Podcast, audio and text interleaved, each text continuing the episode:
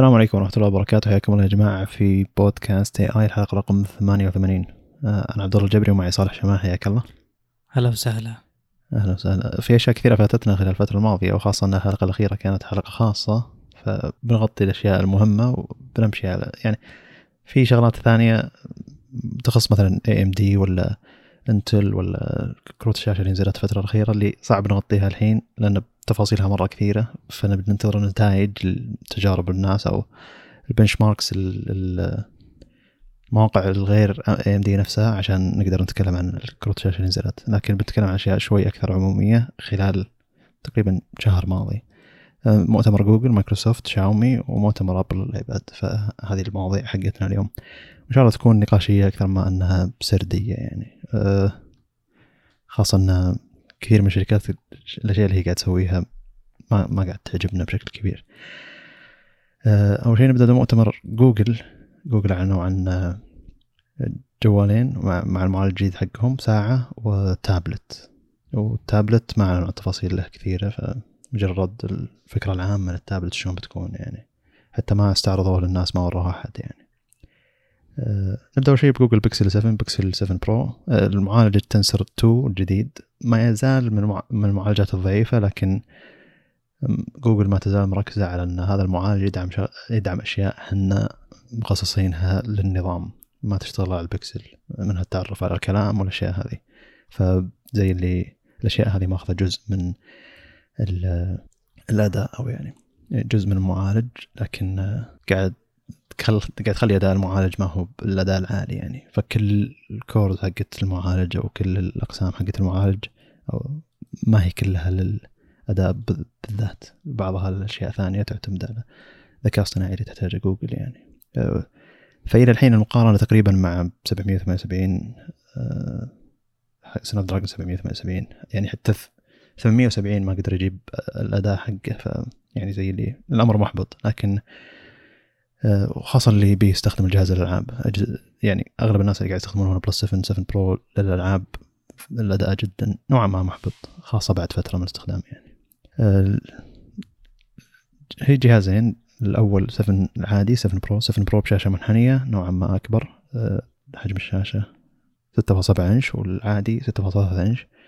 6.3 إنش غير منحنية الأطراف لكن 6.7 إنش منحنية الأطراف العادي 1080 p ك resolution الكبير 1440 p ك resolution العادي 90 هرتز إلى الحين 90 هرتز. إيه إلى الآن. ما تغير كثير ترى. حلو. وال والنسخة ال Pro هي اللي 120 هرتز. غريبة ما حاطين التفاصيل هذه بشكل ممتاز. الجهازين يدعمون IP 68 من ناحية مقاومة الماء والغبار.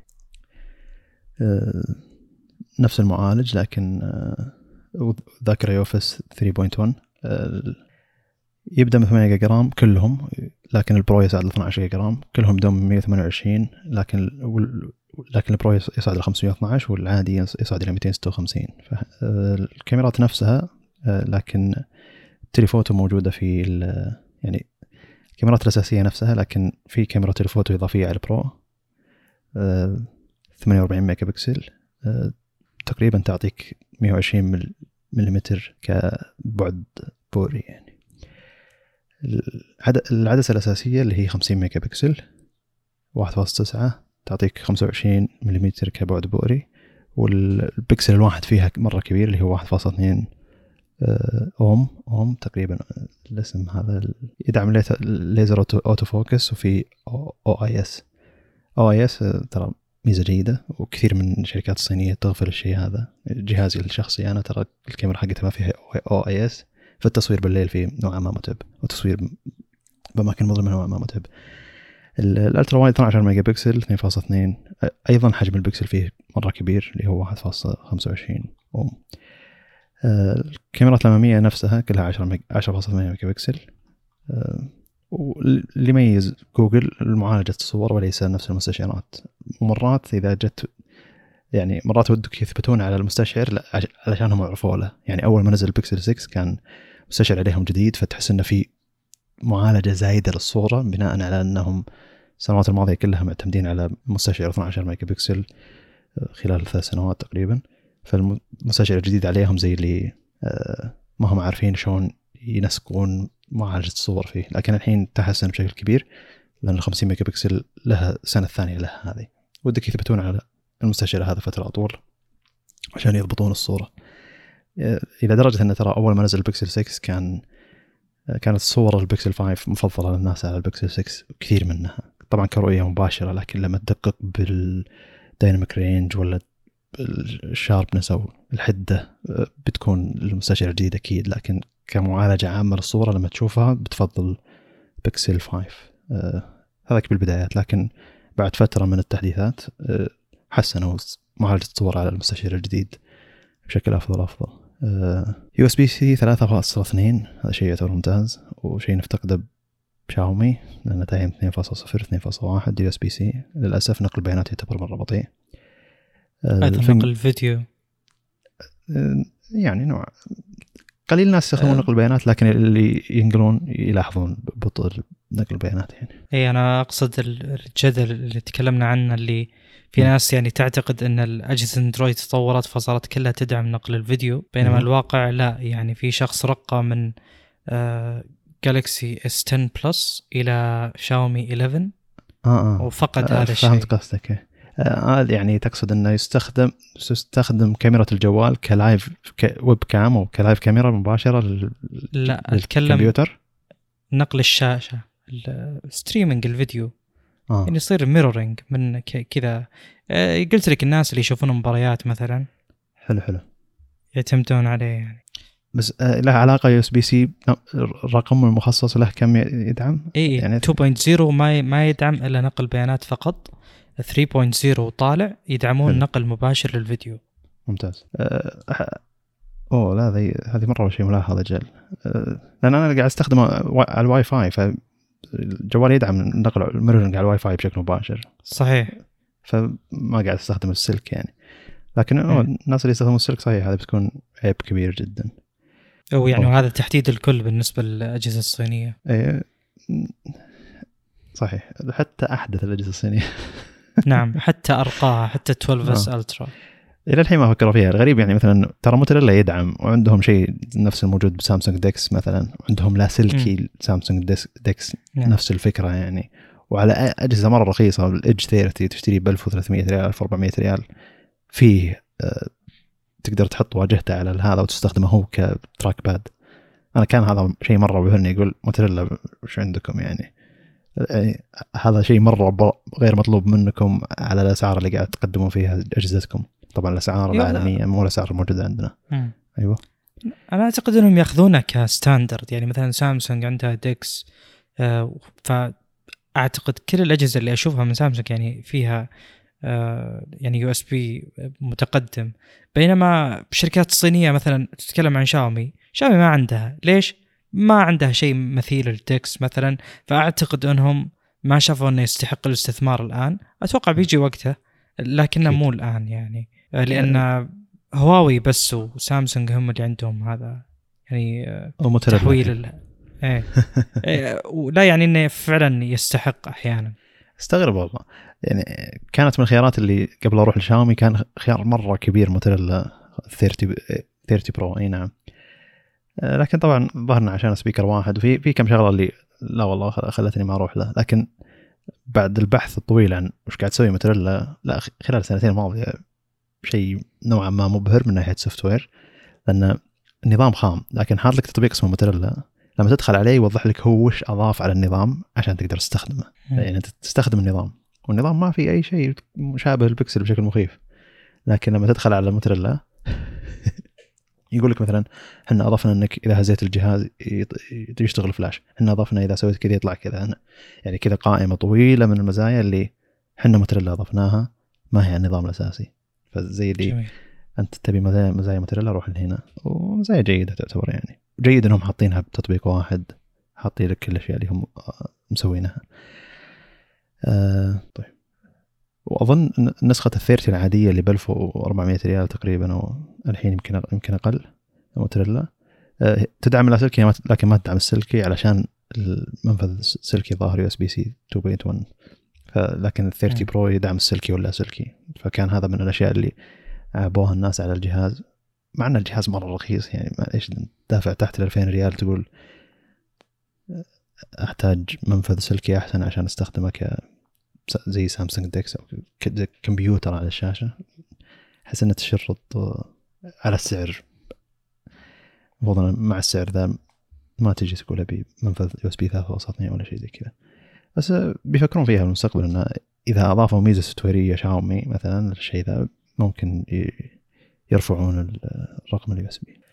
طيب بطارية النسخة العادية من ال seven اللي هي 4355 بطارية النسخة ال Pro 5000 ملي امبير شحن سريع 20 واط 23 واط للنسخة الأكبر كلهم يعطون 500 خلال 30 دقيقة. 23 واط أساس أن حجم البطارية أكبر نسبة معينة 700 ملي امبير تقريبا يدعم Power Delivery 3.0 إذا كان فهذا يعتبر شاحن موحد لأجهزة Samsung Pixel وحتى ال iPhone يدعم شحن سريع Power Delivery 3.0 آه الألوان مختلفة ترى. يعني في لون أبيض معين موجود على البرو في لون آه ما أدري ليموني موجود على العادي ما هو موجود على لا في في في لون هيزل. شلون شلون يجي لون هيزل هذا؟ ما أدري وش الترجمة للون. عموما في لون ليموني يعني لل يعرف إنه بندق. للعادي إي لون زي لون البندق للنسخة البرو. يعني هذا لون مخصص لهذا هذا لون مخصص لهذا. الأس... الأوبسيديان والأبيض آه، موجود لهم كلهم. ف... تصميم الجهاز نوعا ما ما عجبني حيل خاصة الخلفية. اللي حطوا الجزء اللي كان مخصص للكاميرات حطوه ألمنيوم وحطوا دوائر الكاميرات موجودة داخل. بشكل غريب جدا. يعني أول اللي كان عاجبني بالسكس انه الكاميرات مدموجة بمكان آه، يعني في مكان مخصص لكن ما ما تشوف الدائرات حقت الكاميرات نفسها تحس إنها مندمجة بشريط أسود. نعم. لكن الحين زي اللي في شريط فضي أو ذهبي على حسب اللون الجهاز اللي أنت تختاره وفي دائر دائرة كذا بيضاوية علشان فيها كاميرا عدستين في دائرة ثانية جنبها على أساس فيها مدري ال autofocus حق الليزر ولا إذا كان في ثلاث كاميرات اللي هو النسخة ال Pro؟ فمو بمرة عجبتني يعني. أحس إن الكاميرات كذا طالعة في مكان غلط. لكن أول كان بالكامل أسود الكاميرات مخفية فيه كان أجمل بكثير يعني. لكن الألوان الجديدة نوعا ما نوعا ما جميلة. لكن الألوان ما تخلي أداء الجهاز أفضل ولا تخلي تجربة الجهاز أجمل. مجرد شيء طالع يعني. وبالأخير بتحط عليه كفر ولا أحد بيطالع اللون. الأسعار النسخة 7 تبدأ من 599 والنسخة البرو تبدأ من 799 دولار. على أقل نسخة والظاهر كل زيادة على 50 دولار للسعة أو كذا. فهذا فهذه هذه رز بيكسل. أنا كان ودي إن المعالج الجديد حقهم يقارن على الأقل ب 888 مثلا حق السنة الماضية. على الأقل لكن ما أدري جوجل ما هي مركزة على انه اوه المعالج هذا من أفضل أداء Tensor يعني Google Tensor G2 5 نانومتر المفروض إنه يعني شيء wow لكن آه، الأداء ما غير مرضي نهائيا. بسعر 600 دولار تقدر تجيب لك يعني جهاز أداء في الألعاب ضعفين أداء الأجهزة هذه يعني فشيء غريب. مرات أشياء ما تحسب حسابها إنك دافع القيمة ذي المفروض تحصل أشياء زي كذا يعني. يعني من الأشياء اللي قالوها في ال iPhone الجديد مثلا 2000 nits لكن بتجارب ناس كثيرين آه، انه إذا طلع في الشمس والجهاز راح ل 2000 nits خلال خمس دقائق أو أقل الجهاز يحمى فينزل إلى أدنى من لو أنت رافع الإضاءة إلى أقل من 2000 nits اللي أنت تحتاجها. ف تقدر تكون ما تقدر تشوف الشاشة أصلا من قوة ما أنها آه، صارت الإضاءة حقتها خافتة عشان الجهاز احتر لأن ال 2000 nits قاعد تستهلك طاقة فارتفعت حرارة الجهاز ف زي اللي هذه أشياء ما هو محسوب حسابها إلا لما يشوفها شيء المستخدم بشكل واقعي مباشر. فتقول ليتهم حطوها على ألف نتس نفس القديمة أو ألف ومئتين ألف وثلاثمية والجهاز ما يحتر. يعني احسبوا حسابكم الأشياء هذه يعني يعني الأصل أن الشخص لما يحتاج 2000 نتس هذه أو لما يرتفع الجهاز للدرجة ذي أنه في الخارج وفي الغالب أن الجو شمس وفي الغالب أن الجو حار. فالمفروض أن الشركة تحسب حساب الأشياء هذه مع ارتفاع إضاءة الشاشة. خلنا من استهلاك الطاقة بعد. وعلى فكرة ترى النتس يعني ما هو شيء الألف الألفين ما هو ضعف الألف. لا هي يعني ما هي ضعف الإضاءة لكن بنسبة معينة الاستهلاك تقريبا أكثر من الضعف استهلاك الطاقة. فعشان كذا يعني ممكن يرتفع ترتفع حرارة الجهاز. فأنت دافع مبلغ زي إضافي علشان نسخة ال Pro عشان تأخذ ال 2000 nits ثم ال 2000 nits ذي تكون سبب إن الجهاز يحتر ثم سبب إنك ما تقدر تشوف الشاشه شيء يعتبر مزعج. جميل. آه،. فنفس الفكرة هنا دافع 600 دولار 800 دولار ثم تجي تلعب ألعاب لمدة خمس دقائق الجهاز يلا قاعد يدي أداء أو تبدأ ال frame ات تطيح يبدأ الجهاز ي- ي- يتأثر. بالألعاب اللي أنت قاعد تلعبها مع إن الناس ما لعبوا ألعاب مرة ثقيلة لعبوا ألعاب تعتبر عادية فزي اللي المفروض إني دافع 800 دولار على الأقل الجهاز يعطيني نص ساعة لعب ساعة لعب على الأقل. وهذا ترى يعني أداء الألعاب لمدة طويلة هذا هو الأداء الحقيقي. مو تقول لي أوه والله شغلت اللعبة وقاعد تشتغل أول دقيقتين بشكل ممتاز ولا أول نص دقيقة بشكل ممتاز. وهذه غالب المراجعين حقين ال- اللي راجع خلال ثلاثة أيام يعني أو يومين. اللي ما هي تجربة ألعاب ألعاب. تلقى لعب عشان يصور فيديو انه قاعد يلعب وقال لك أوه والله الاداء جيد خلاص مشى. لكن لما يلعب يلعب بشكل حقيقي لا بيفرق الشيء ذا مرة. يعني أذكر هذا اللي فرق بين ال OnePlus 10T وبين الشاومي اللي معي. OnePlus 10T يعني كنت لعبت Call of Duty فترة طويلة تقريبا نص ساعة أو أكثر. والجهاز ما احتر حتى لمسا ما احتر يعني ما في حرارة قاعد تختفي من الجهاز.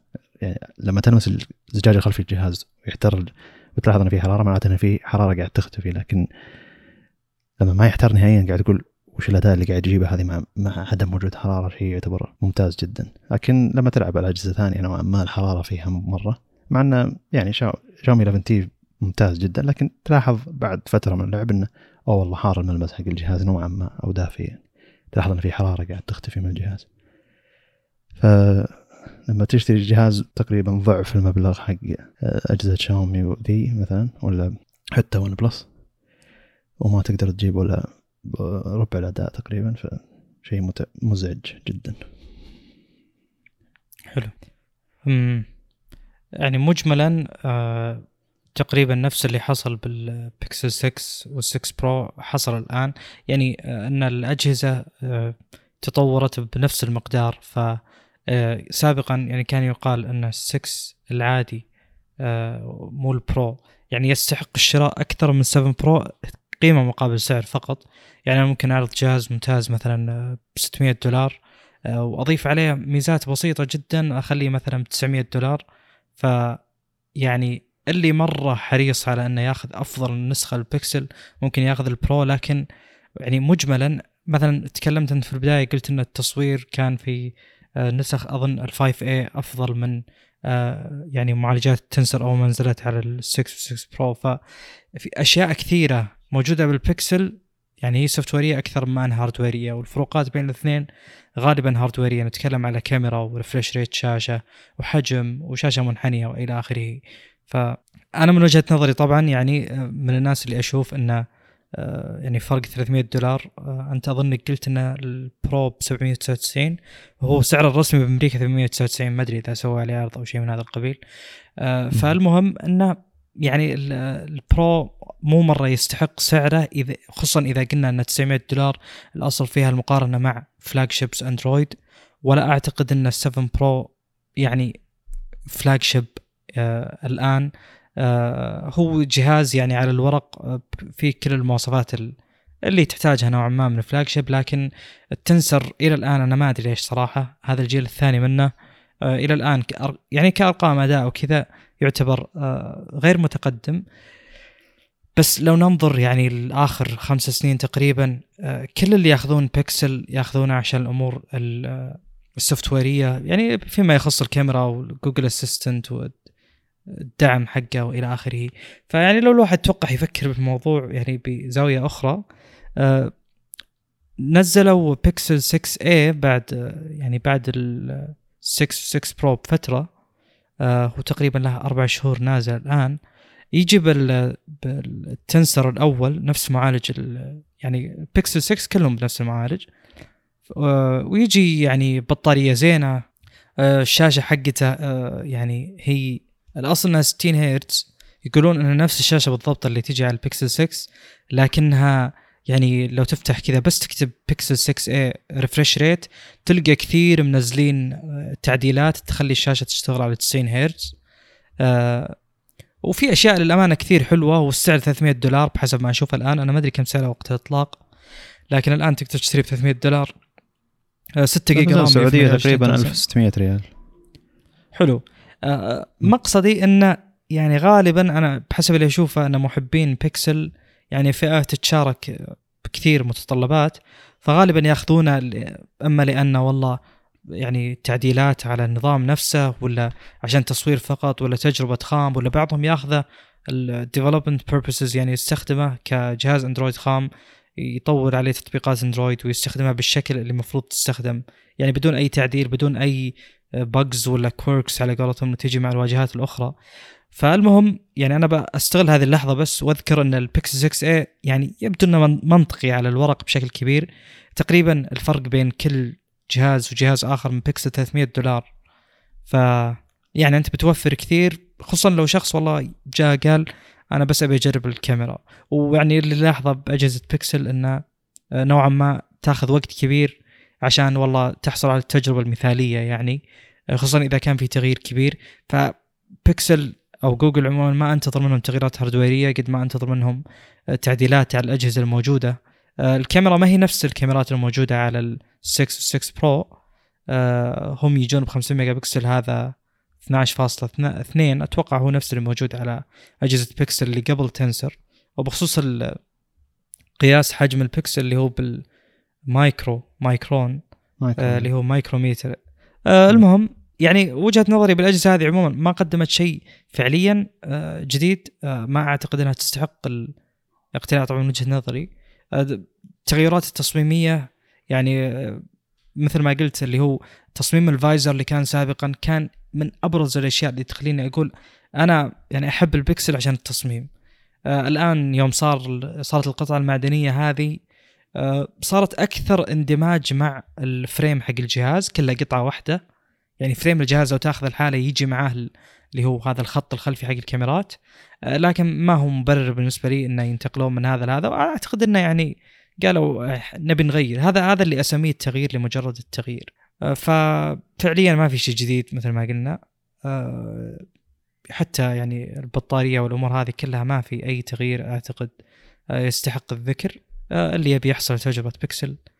غالبا ال7 أحسن وإذا يعني مرة ما يبي يدفع ممكن ياخذ ال 6 a لكن البرو للأمانة ما أعتقد إنه يصف مصاف الكبار.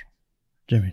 آه في في إضافات software يه جميلة. آه جوجل دائما تعجب تعجبني وتبهرني بالأشياء اللي تسويها بال software أول شيء تطبيق تسجيل الصوت. أول كان فيه آه، تقدر تحول الصوت إلى ملف نصي مباشرة أو تطبيق تسجيل الصوت يعطيك النص اللي قاعد يقوله اللي قاعد اللي أنت سجلت له الصوت. كنت مسجل محاضرة يقدر يعطيك النص الكامل حق المحاضرة. هذا يعتبر شيء جيد.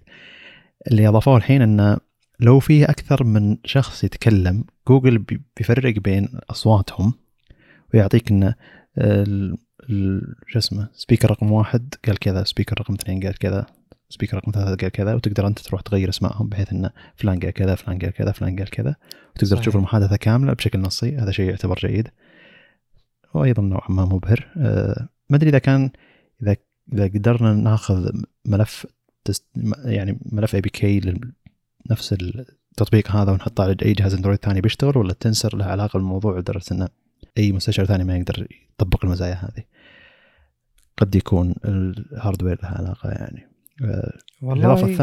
إيه؟ معليش المقاطعه المؤكد مثلا انه يوم نتكلم على GCam اللي عارفه أنه قطعا ما يشتغل إلا على ال Snapdragon أنا ما ما مو متابع مؤخرا حلو. بس إنه ما يعني فعليا ما يشتغل إلا على السناب دراجون يوم أنا أخذت اللي إيه. هو ال 30 ألترا كي 30 ألترا ما كان يشتغل جي كام يعني ما لا لا يعمل تفتح شوي آه، تصور بشتر رايح فيها بعدين المعالجه تطول ويعلق ويبقى بالخلفية ف فهذا الشيء يعني يوم نتكلم على التنسر مواصفات التطبيق الكاميرا نفسها اللي هو تزيل الأشياء من الخلفية آه، بالإضافة أتوقع إلى يعني أمور الترجمة وتسجيل الصوت هذه آه، يعني قد فعلا حصرية على وجود المعالج. ولو ما سووا هذا الشيء يعني هم طبعا المفترض انهم يسوون هذا الشيء. لو ما سووه ف يعني شيء غريب جدا. وش فائده Tensor أجل؟ آه، الإضافة الثانية اللي أضافوها انه إذا وصلك ملاحظه صوتية بيطلع لك كذا زي اللي expand أو توسيع. ولما تضغط على expand ذي بيطلع لك وش النص اللي قاعد يقولها الشخص قبل لا أن تستمع للشيء اللي يقوله. طبعا هذا شيء مخيف بإن جوجل قاعد تشوف كل ال- الرسائل الصوتية اللي قاعد توصلك أو الأشياء اللي ممكن أنت تشغلها لكن هو أصلا شغلها وعرف شنو هي. ما أدري إذا كان بس يشتغل على تطبيق رسائل حق جوجل ولا كل تطبيقات المحادثات اللي حطوه تطبيق رسائل حق جوجل لكن ما ندري إذا كان يشتغل على بقية الملفات الصوتية خارج تطبيق جوجل حق رسائل. آه هذا شيء يعتبر جيد. إذا أنت ما تبي تسمع لشخص لشخص وش قاعد يقول تقدر تشوف شيء نصي قاعد يقوله. لكن أظن بس يشتغل في آه، يعني للغة الإنجليزية. ما أدري إذا كان يشتغل العربية أو لا إلى الحين. آه، غالب المزايا هذه الاصل تشتغل في كندا وأمريكا واللغة الإنجليزية. إذا وسعوها يقولون إنهم وسعوا المزايا هذه لغات ثانية ولا أماكن ثانية. آه، الشيء الأخير اللي هو أضافه إنه إذا كلمت بنك أو شركة اتصالات مثلا وقاعد تعطيك الخيارات على أرقام معينة سابقا جوجل مساعد جوجل الصوتي كان يقدر يقول لك direct call اللي هو ما يحتاج أنت تسمع وش قاعد يقول. وهم بيقفلون صوت الشخص اللي قاعد يقول الشيء اللي قاعد يقوله الشخص ذا أو يعني الشركة ذي ويطلع لك الأرقام اللي اللي هو قاعد يقولها والخيارات حقتها. لكن سابقا كان يقول خيار ويقعد يطلع لك إنه هو الخيار رقم واحد ويكتب لك الخيار هذا كامل ثم يعطيك الخيار رقم اثنين مع سرعة المتكلم يعني. لكن الحين بما أن جوجل نفسها تعرف يعني عندها قاعدة بيانات فيها وش قاعد يقولون؟ وش قاعد تقول الشركات ذي؟ مثلا البنك الفلاني خياراته خلاص عرفناها من أول لأن طلعناها فزي اللي يحطونها لجميع المستخدمين. فمن بداية المكالمة حقتك بيطلع لك جميع الخيارات. مثلا في ست خيارات بيطلع لك ست خيارات. قبل لا يقول المتكلم المتحدث ذا اللي لما تتصل على البنك يطلع لك آه يطلع لك جميع الخيارات تقدر تختار منها وتروح بشكل مباشر للخيار اللي بعده وكذا. فيعتبر شيء جميل. وأيضا ما يشتغل إلا بكندا وأمريكا ف آه يعني إحنا مجرد ان مجرد إن نطرح ونقول الميزة هذه موجودة لكن ما راح تشتغل عندنا فما راح تفيدك. أصلا ظهر 5G ما يشتغل عندنا. اجهزه جوجل بيكسل ما أدري إذا كان 7 7 7 Pro دعموا bands موجودة عندنا ولا لا للحين لكن الاصل انه ما يشتغل عندنا. جميل. أم يعني فعلا في مزايا كثير تطرح خصوصا هذه اللي تكلمت عنها أظن قبل البودكاست اللي هو Direct My Call يعني يوم تتكلم عنها إحنا أعتقد هي طرحت قبل سنين. يوم كان الـ CEO على المسرح وشرح الميزة وكذا وانبهروا الناس وفعلا هي مبهرة لكن عدم وجودها عندنا يخلي ما في أي فائده للحديث عنها نهائيا. طيب جميل. ننتقل للساعة. إيه. آه ساعة جوجل آه أعلن عنها بسعر 347 دولار. آه ساعة جدا حجمها صغير تقريبا 41 ملم كاملة مثلا من الدائرة للدائرة. يعني إذا كنت حاطها على يدك فزي اللي من بداية يدك من الزر حق الساعة إلى نهاية الساعة من الجهة من اليسار. أه 41 ملم يعتبر جدا صغير. الشركات الظاهر تبدأ أصلا 42 46 شيء زي كذا. جوجل أظنها كان لا ما أدري. الآيفون كان في أربع نسخة أربع نسخة 42 46 شيء زي كذا نسيت. بس عموما إنه نسخة صغيرة فقط يعني فإذا كانت يدك كبيرة نوعا ما ترى هذه تعتبر ساعة جدا صغيرة على يدك. أه شخصيا أفضل إنك تعطيني بس نسخة كبيرة. بطاريتها محترمة أحسن من إنك تعطيني نسخة صغيرة وتسحب على الاشخاص اللي يبون. يبون شيء كبير. يعني نوعا ما هذه ساعة نسائية أكثر ما إنها تناسب الرجال أكثر يعني. أه والسعر جدا مرتفع. تجي بثلاث ألوان لون ذهبي لون أسود فضي فضي لماع فضي عادي فيعتبر غريب. لا أو اي فضي مع لونين للسير تقدر تختار. تقدر تختار فضي مع سير آه مدري خاكي على قولتهم أو شيء زي كذا بيج. و أو فضي مع سير فضي نوعا ما أو سير رمادي ما هو فضي. آه الساعة الوحيدة اللي منهم كلهم معتمة اللي هو الأسود الباقي كلها لماعة يعني. ترى اللون بس على أطراف الساعة يعني. خلصنا كذا من الحجم ساعة تقدر تقدر تاخذ منها نسخة فيها شريحة إلكترونية إذا كنت تبي. تدعم الـ GPS. تتوافق مع أندرويد 8 وفوق. والزين إنه ما في أي نسخة ما في أي جهاز من أندرويد تشتغل عليه بشكل أفضل. كل اجهزه أندرويد تشتغل عليه بطريقة واحدة. مثلا سامسونج لا تشتغل على السامسونج بطريقة أحسن من الباقيات ما أدري ليش. وفي مزايا أصلا ما تشتغل مع سامسونج يعتبر شيء غريب. آه الساعة إذا أخذتها بيجي داخلها سيرين بحجمين مختلفة إذا كانت يدك صغيرة أو كبيرة. البطارية 294 ملي امبير ما تقدر تقول عنها شيء لكن هم يقولون تكمل معك إلى 24 ساعة فيوم واحد هدها تجيب المعالج إكسينوس 900 9110 شيء شيء يعتبر غريب انه في شركة تشتري معالجات سامسونج. الذاكرة الداخلية لها 32 جيجا بايت و 2 جيجا بايت للرام مستشعرات كثيرة لها لكن ما في مستشعر ما في مستشعر ضغط أو كذا شيء جديد لا. المستشعرات العادية حقت القلب مستشعر الحركة جيروسكوب على قولتهم والـ ambient light عشان الشاشه ترفع إضاءتها أو أو لا على حسب المكان مظلم أو غيره. الزر زر واحد موجود وهو نفسه crown تقدر تدوره علشان يعطيك الخيارات كان بدل ما تلمس الشاشة نفسها. وتقدر بنفس الوقت تلمس الشاشة نفسها. أه يشحن بشاحن مخصص الظاهر. ما كاتبين إنه wireless charging كاتبين إنه magnet charging لكن يعتبر غريب. المفروض إنه يشحن شي wireless charging يعني.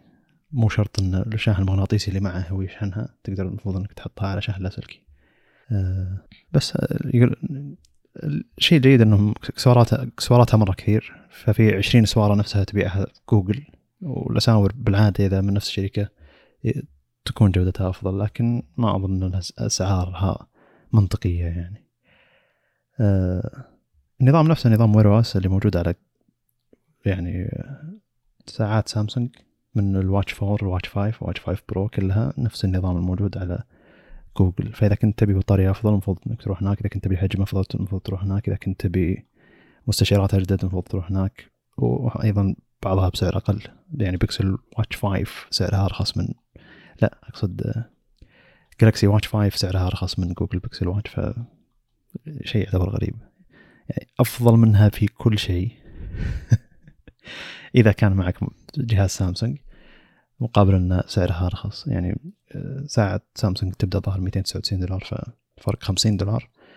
فرق بطارية أفضل ومستشعرات أجدد آه، فما أدري الساعة دي وين مكانها يعني. دائما الأشياء اللي تتوقعها يعني من جوجل انه أوه لا الحين النظام بيشتغل بشكل أحسن وبيكون أفضل من بقية المنافسين. لكن في الواقع إن سامسونج مسوي أداء جيد. فزي لي كل امل الناس إنه أوه هذه الساعة اللي بتنافس ساعه أبل لكن زي اللي ما جابت شيء سامسونج ما جابته وسامسونج الحين ما زالت خيار أفضل. إذا كنت تبي Wear OS إذا كنت بس تبي متابعة رياضة وشويه تنبيهات يعني هواوي شاومي وحتى ون بلس يمكن ساعتهم تدي أداء أفضل من لأن البطارية فيها تكمل 10 أيام وفوق فزي اللي قوة البطارية للشركات الباقية من الساعات الصينية زي اللي تمحي جميع المزايا الموجودة في الساعات الباقية ف... وهذا هذا شيء كررناه كثير يعني. فالسعر غير منطقي الحجم مرة صغير الخيار الأفضل إلى الحين ما يزال OS اللي هو تبع سامسونج إذا كنت تبي OS بالنسبة لي يعني ما أدري تصميم الساعة يبدو قديم مع البيزلز هذه. ولو إنه ناعم على اليد يعني ففي ناس كثير يعني أعتقد أنا من ضمنهم اليد نوعا ما من عند عظمة أو مفصل الرسغ هذا. أه، صغير جدا فالساعة جميلة يعني بس لابد من استغلال المساحة اللي حول الساعة.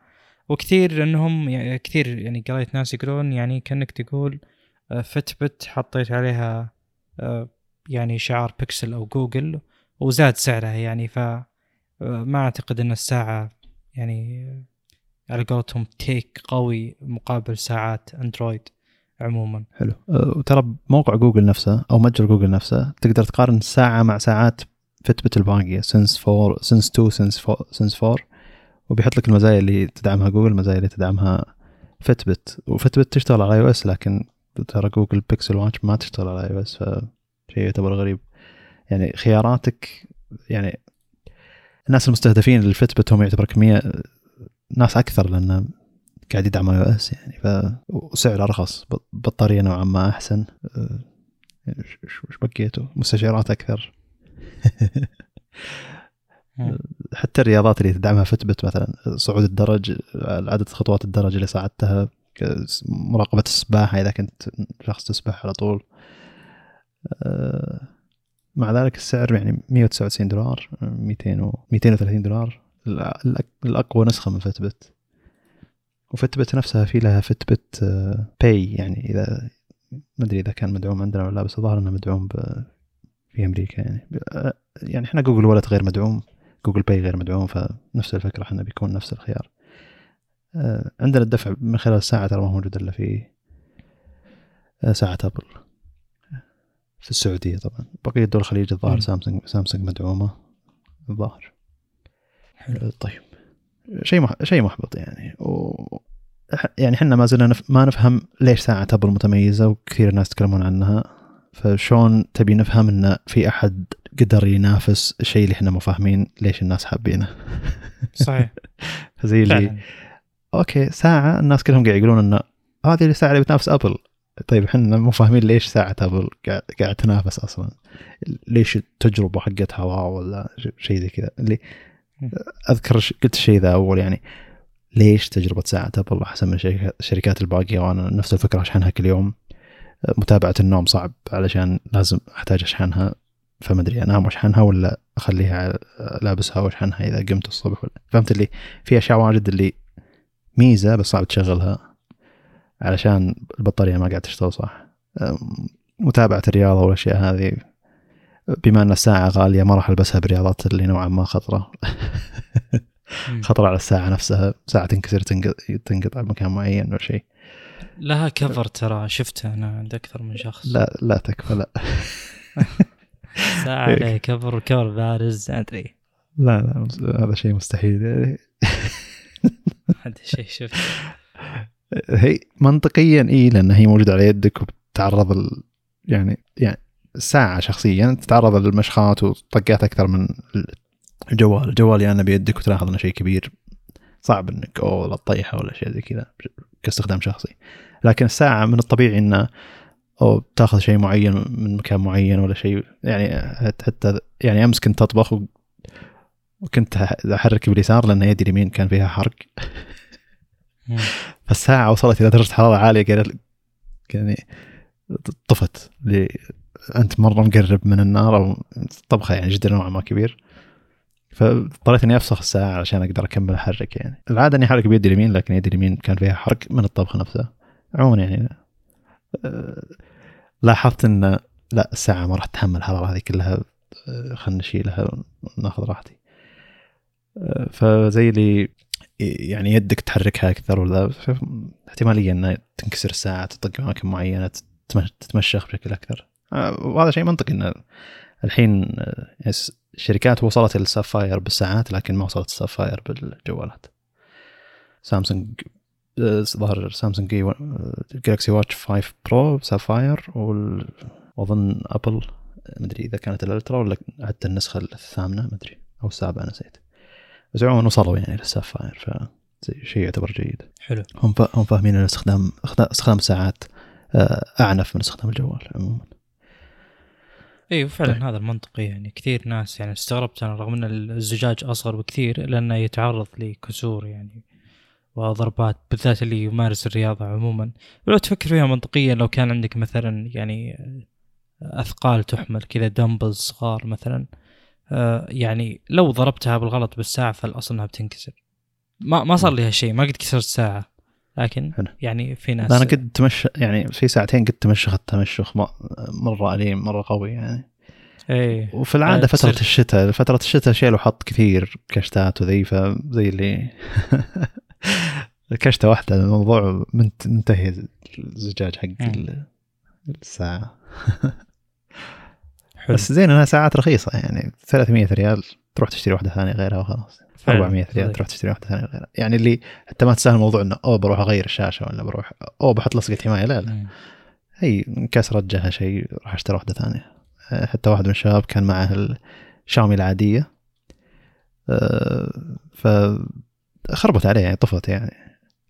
راح شرى النسخة الجديدة يعني اللي حتى النسخة الجديدة تعتبر رخيصة ليش أروح أشتري النسخة القديمة نفسها؟ فأخذ ال1 اس active شيء جيد اللي اوه والله خربت الساعة خلينا نطور الساعة اللي بعدها. وما يزال السعر رخيص. ما, ما يزال الأداء نفسه ما, ما تزال الساعة نفسها اللي أنا متعود عليها. يعني جميل. أعتقد بقترح على شاومي إنه يسوون نظام اشتراك. أش... أنا أشترك بالساعة وتصير تحدث تلقائيا مثلا خذ مني 30 ريال شهريا ولا 25 حلو. لأن واضح إنه مو قاعد يتكلفهم أي شيء هاردويريا آه.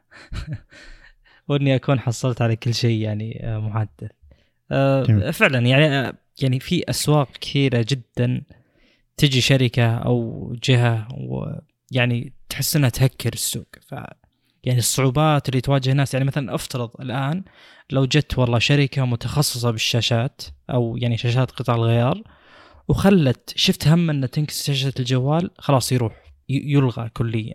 فهذا شيء طبعا مو سهل. بسامسونج مثلا تسويه مع جرير ظهر لك ست شهور أظن أو شيء من هذا القبيل متى ما انكسرت الشاشة يعني بسوء إيه الاستخدام تقدر تغيرها. ظهر حد عروض الطلب المسبق ذي عموما. إيه. إيه حلو يعني مقصدي إن في في أشياء تجي فعليا تغير آه، بالسوق تغيير جذري أو تغير نظرتك لبعض الأمور تغيير جذري. فالساعة الآن مع شاومي يعني أنا بس مو محصل ساعة أفضل يعني مجملا أنا محصل أيضا سعر أرخص شيء ما أخاف عليه ومتى ما صار شيء أقدر أغيره يعني.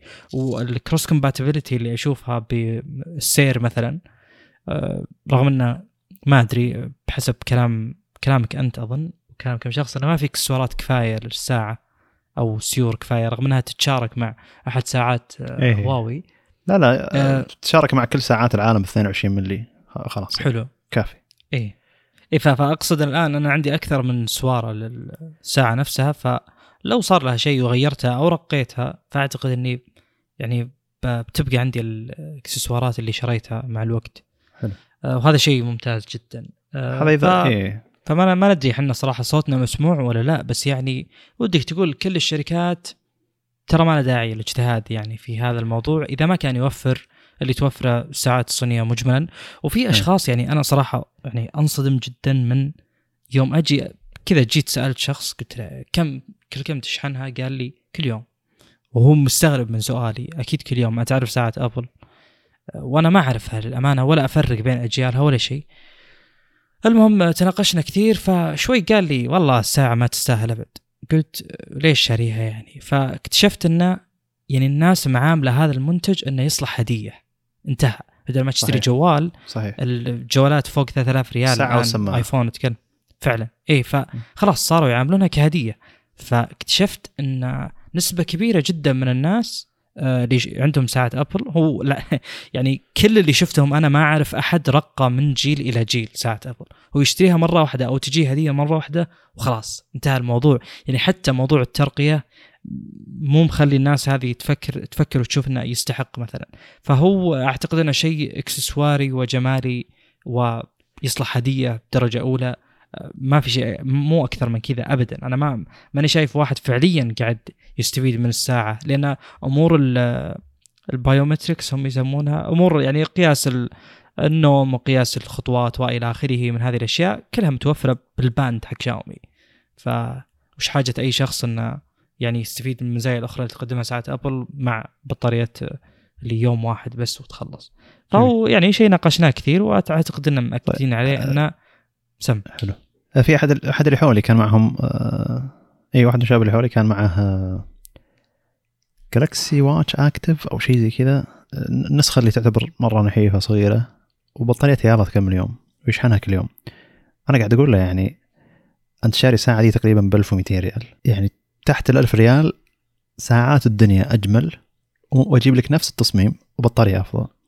فيوم نزلت الجي الهواوي جي تي 3 العادية النسخة ال 42 ملي مشابهة جدا لساعة سامسونج بشكل مخيف. يعني الدائرة ذي نفسها نفس تصميم حتى ساعة جوجل لكن ما في أقل bezels ترى. والزر موجود ما هو موجود بشكل مباشر. يعني وش اللي يقهرني أنا بالأزرار بعض بعض الساعات؟ إنه يكون الزر على الزاوية 180 يعني. يعني هو باتجاه آه، كفك. فلما تنحني لما ترفع يدك مثلا احتمالية بالغلط تضغط الزر نفسه. فهواوي زي اللي مبعد الزر فوق شوي. يعني عشان انه والله إذا رفعت كفك ما ما تضطر إنك تضغط الزر. وهذه أشياء يعانون منها ناس كثير وألاحظها يعني انه أي واحد الاحظ معه ساعة دائرية فيها زر والزر هذا على جنب بشكل مستقيم لما توصل الساعة لآخر ذراعه و...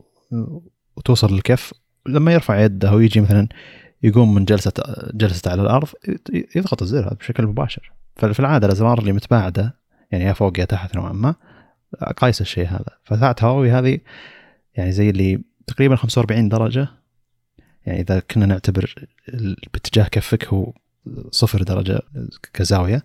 فزي اللي يرفعوها 45 درجة من وسط الساعة إلى الزر يعني. فزي اللي قايسين الشيء هذا. والبطارية طبعا تقريبا خمس أيام لأن الس- ساعة صغيرة. فأنا قلت كنت أقول له خذ ال GT 46 ملي. هذه تقعد 10 أيام إلى أسبوعين إذا كنت ما قاعد تستخدم ال always-on display قال لي لا يا رجال يعني أنا أبي شيء صغير وكذا. فالحين شراها زي اللي قاعد سولفت معه. قال لي رجال نعمة لي خمس أيام ما اشحن البطارية ما اشحن اشحن الساعة. يقول وين؟ يقول ما فقدت شيء من ساعة سامسونج. مع إن سا- سامسونج كانت Wear OS يعني.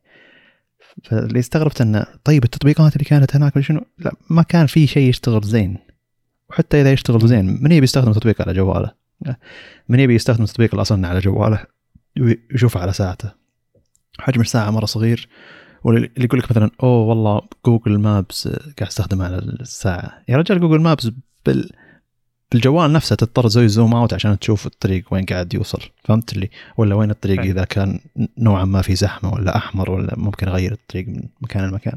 وبالاصل إذا قاعد تستخدم Google Map فإنك مثبت الجوال على يعني ديكور السيارة وقاعد تشوف وين قاعد يوصلك أو إنك قاعد تستخدمه على Android Auto إذا كان موجود عندك أو Apple CarPlay فزي اللي هل تحتاج الشيء ذا؟ زي لي فالحين واقعيا اللي لا والله ما قاعد أحتاج. وال- والساعة ترى بتتبعها الرياضي كانت أدق من ساعه سامسونج السابقة. طبعا ساعة سامسونج الجديدة نوعا ما أدق لكن عموما إنه هذا شيء يوصلون له. هو مجرد مستشعرات تكون أدق وخلاص يعني خلصنا السالفة. فزي اللي مع إنه ما يعني مع إن الشخص ذا انتقل من يوم إلى خمس أيام بس إنه أوه الفرق كبير. شلون هذا لو أقول له في ساعات تكمل أسبوعين بس إني اكبر الحجم شوي. يمكن يضيع الشاحن يعني أكثر من مرة تلقى. فعلا. فعلا حصلت معي يعني. مم. أم... طيب أعتقد نروح لل Surface حتى الجديد. حتى حتى لو نقيسها على الجوالات. أنا لو تشيل مزايا معينة من جوالي وتقول لي أوه والله الجوال الحين بيكمل معك خمس أيام. بقول لك أوكي شيل المزايا ذي. اي والله في أشياء ما. لها احتياج. أه. يعني اللي هو زيد سماكة الجهاز وزيد عمر البطارية ولا سو كذا. يعني أشياء كثير ممكن نتنازل عنها آه، خصوصا النحافة اللي فيه هوس يعني من الشركات ولو انه قل مم. الآن عليه. يعني كثير آه، أعتقد منا يفضل آه، الحجم الأكبر أو السماكة الأكثر أو الوزن الأثقل آه، مقابل عمر بطارية أكثر. ويعني أعمار البطارية للأمانة آه، بيجي يوم نتكلم على جديد شاومي نتكلم بتكلم على نقطة يعني فعلا مستغربة بأعمار البطارية عموما بشكل غريب جدا. حلو. باقي شيء ولا؟ خلاص. ننتقل حلو. طيب. آه، جديد Surface يعني آه، ك لو ناخذ Surface Pro 9 الأساسي آه، ما فيه شيء كثير يستحق الذكر.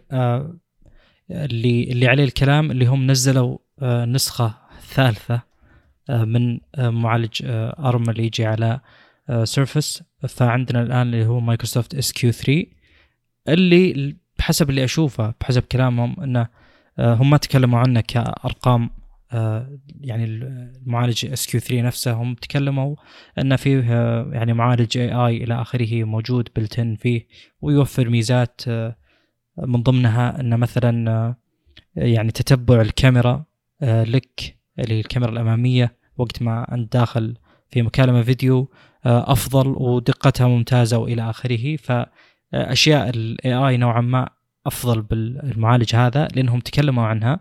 بينما المعالج كأساس كجذور آه، يعني يبدو إنه based على ال 8 cx مبني على ال 8 cx اللي نازل من ال Galaxy Flex ما خاب ظني كذا اسمه فله فترة طويلة يعني.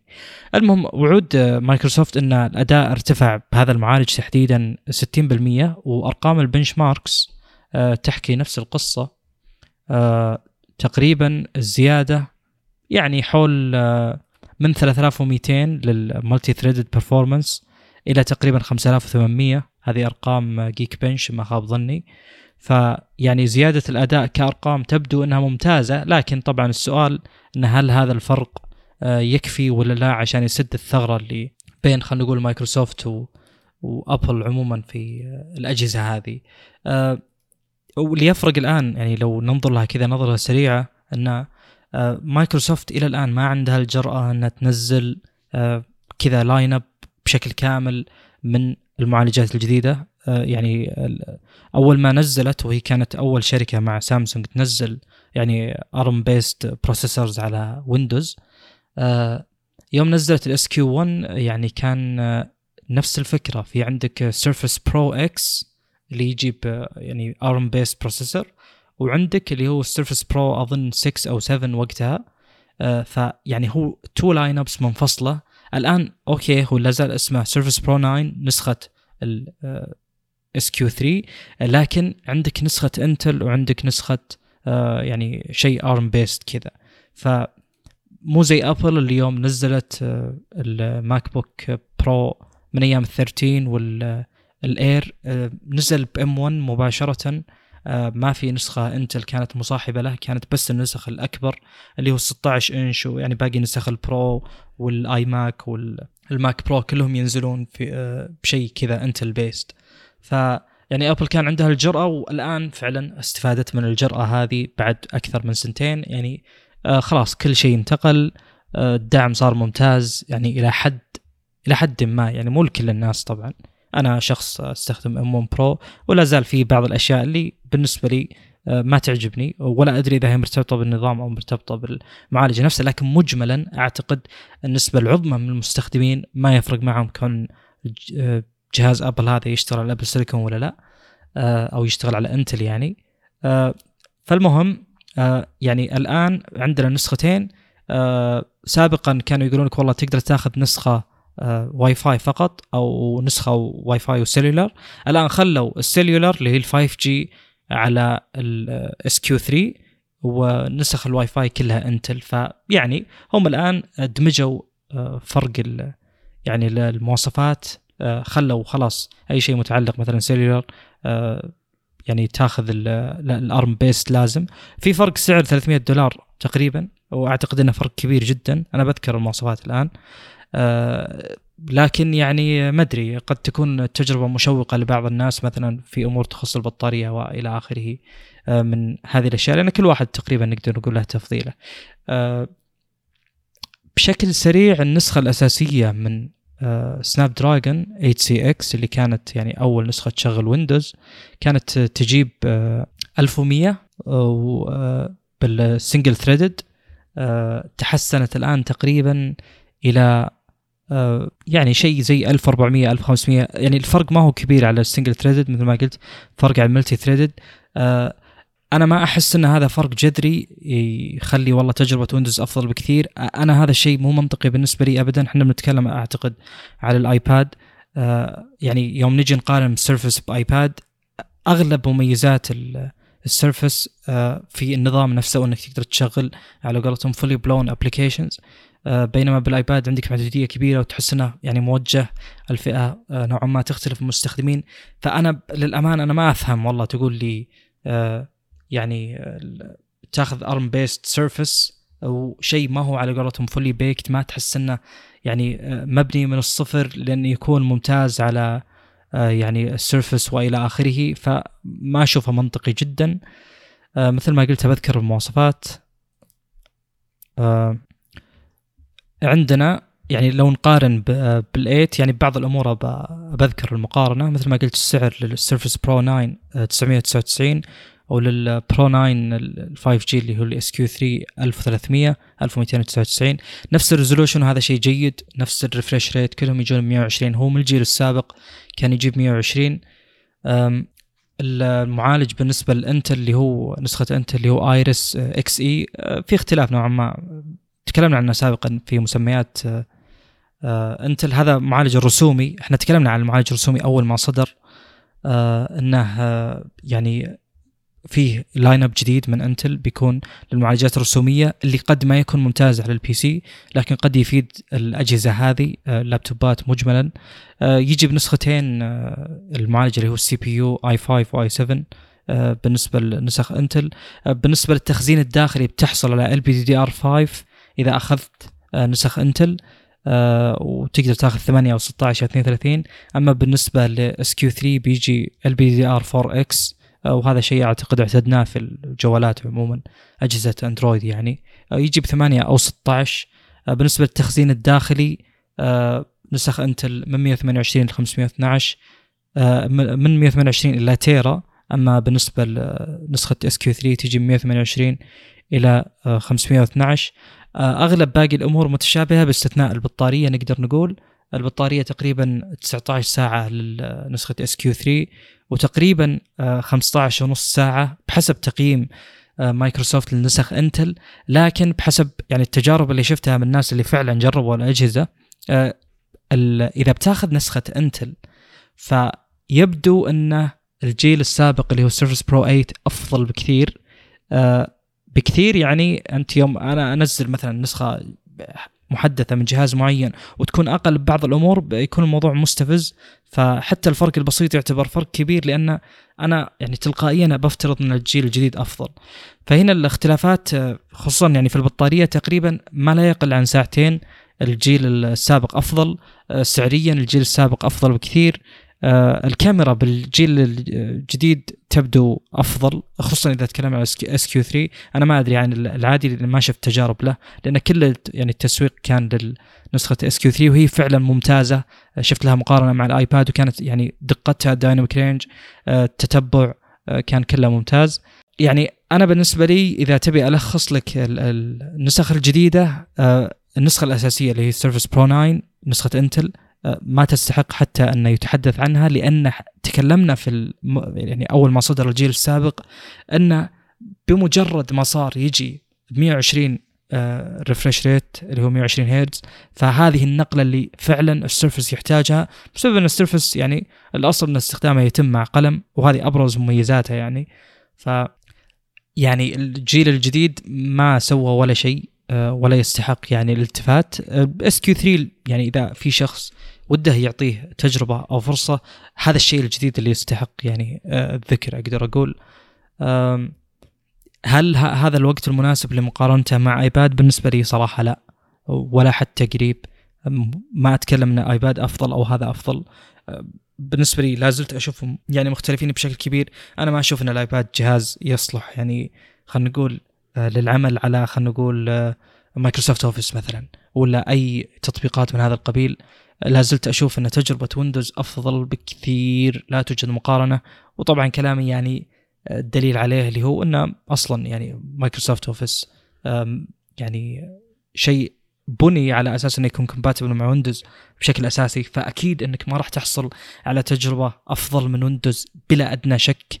يعني وهذا الشيء شهدته ولاحظته حتى يوم تجي تستخدم على يعني تستخدم Microsoft Office على macOS. أعرف شخص الآن يعني nobody يستخدم آه، يعني macOS ويعني شخص يقول إنه يتكيف ما عنده أي مشكلة إذا انتقل من نظام إلى نظام آخر.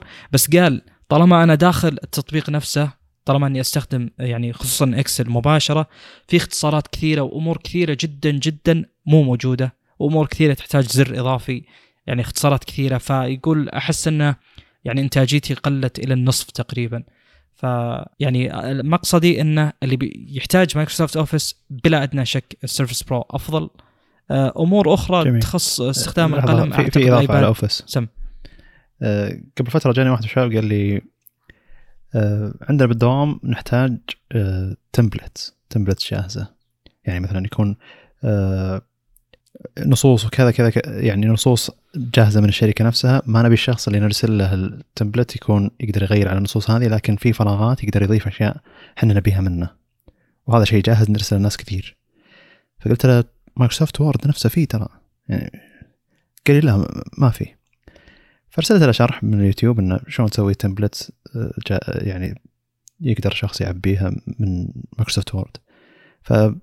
فهو أول شيء فتح على ال iPad على أساس بيتبع الشرح لكن اكتشف إن ال iPad ما في شيء هذا.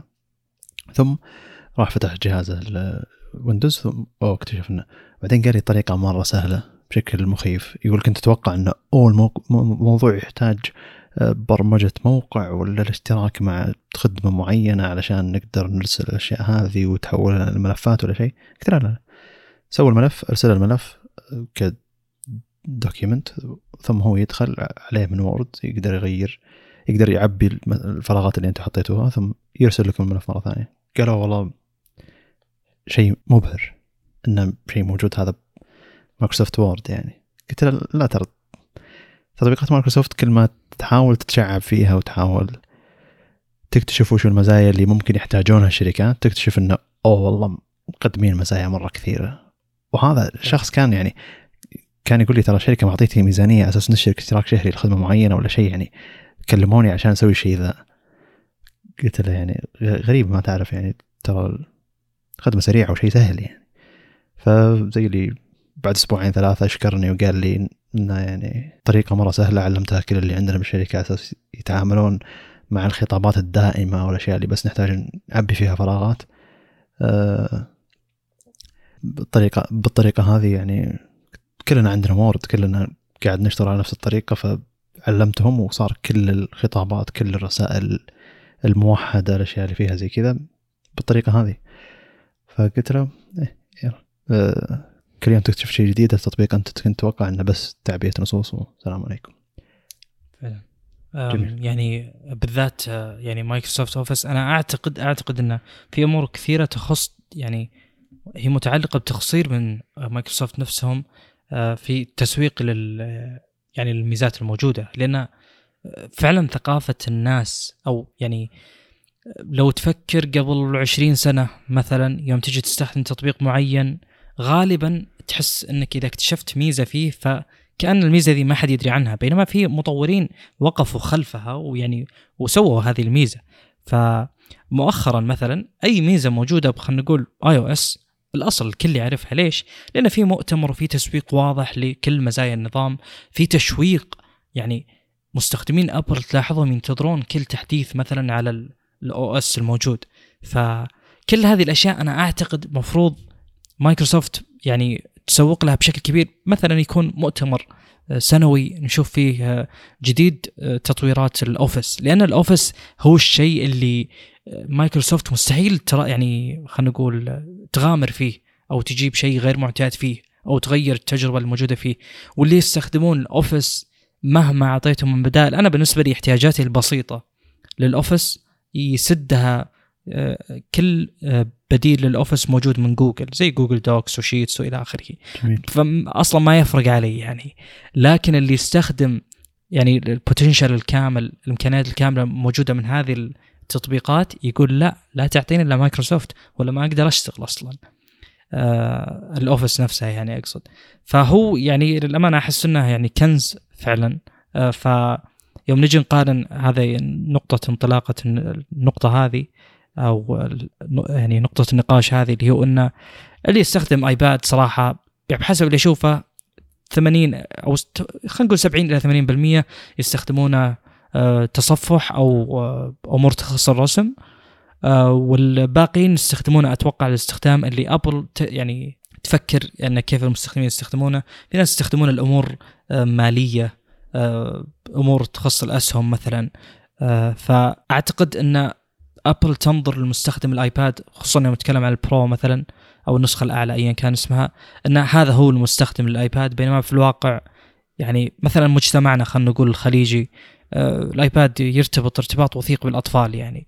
فمقارنة آيباد مع السيرفس آه أعتقد إنها مقارنة بعيدة جدا. أنا ما أدري متى على قولتهم ال gap هذا بيصير bridged يعني سيتم سده بجسر بحيث إنه آه يكون في ارتباط بين الجهازين والناس تخت... يعني تحتار بين الجهازين. آه لكني ما أشوف هذا في أي وقت قريب. آه إلى الآن ما في معالجات آه ARM ممتازة على ويندوز ويندوز أحسه مو يعني مو مستعد إنه يدعم بشكل كبير. آه، خصوصا إن يعني يبدو إن إنتل عندها أشياء كثيرة ممكن تقدمها لا زال. آه، أرقام المعالجات الموجودة سواء الموبايل أو ال desktops جدا ممتازة إلى الآن. عمر البطارية جدا ممتاز. للأمانة يوم نزل ال M1 توقعنا إن البطارية خلاص بتصير محسومة كليا لل يعني ال ARM processors بس اكتشفنا مثلا يوم نزل ال M1 Pro للأمانة توقعت البطارية أفضل مما هي عليه. صح توصل 16 إلى 20 ساعة تقريبا بس أنا توقعت يعني بتتضاعف إلى أضعاف كثيرة. اللي فرق بأضعاف كثيرة اللي هو استهلاك الطاقة اللي مرتبط مع ارتباط وثيق اللي هو صوت المروحة وحرارة الجهاز وإلى آخره. هذا الشيء اللي جدا تتفوق فيه الأجهزة اللي تعتمد على ARM processors أه، مجملا يعني يعني أتوقع الشخص اللي بيشتري سيرفس أه، يعني لو حصل على عرض النسخة الماضية بيكون أفضل. لا يفكر بنسخة SQ3 رغم أنها أفضل على الورق بكثير. يعني المفروض انه تحصل على تقريبا مثل ما قلت أنا الملتي ثريدد بجيك بنش ولو أن الأرقام هذه بالنسبة لي ما أعترف فيها. لكن يوم نقول أن الرقم تضاعف على نفس المعالج فدليل انه في تحسن يعني. آه يعني في أشياء كثيرة تقدر تشغلها على على ارم الآن أكثر من قبل لكن بالنسبة لي أنا ما أنا مو مستعد آخذ هذا الرهان. أنا أبي أشتري جهاز يشغل كل شيء. في فرق إن جهاز يشغل كل شيء وفرق إن الجهاز يشغل شيء بس مو بكفاءة عالية. يوم تقولي إنه بيشغل كل شيء لكن بعض الأشياء مو بكفاءة عالية بقول لك okay. يعني يوم يكون المعالج مو قوي جدا إنه يقدر يشغل كل شيء. بس يوم تقولي إنه ما يشغل لأسباب متعلقة بالدعم أعتقد هذه نوعا ما مشكلة. ف يعني جديد مايكروسوفت آه، غير مشوق آه، لأن النسخة الماضية وتذكرون تكلمنا عنها بشكل كبير ومدحت أنا السيرفس بشكل كبير جدا هذيك النسخة اللي فعلا سوت تغيير كبير وأي واحد حتى اللي معه سيرفس Pro 7 الترقية إلى السيرفس Pro 8 كانت تستحق وبكل جدارة. أي أحد عنده أي نسخة أخرى غير طبعا 8 وال9 الترقية إلى ال8 لا, لا تزال شيء للأمانة جدا ممتاز. تجربة القلم على 120 هرتز بالإضافة إلى القدرة على تشغيل كل شيء متعلق بمايكروسوفت أوفيس. شيء يعني جدا ممتاز إنه يكون موجود ب package رغم إن الأسعار يعني ما تعتبر جدا مغرية في عروض الآن برا على سيرفس Pro 8 خلت السعر جدا ممتاز. جدا ممتاز يعني مو ممتاز شوي لا لا مرة كثير يعني. آه فممكن طيب. هذه الأشياء اللي تكون مشوقة لإقتناء الجهاز. سم. يا أخي في شيء استغربته يعني قاعد أسولف مع شباب معه جهازين ويندوز مع لينوفو مع هواوي ويستخدم الجهازين والجهازين مواصفاتهم مرة ممتازة.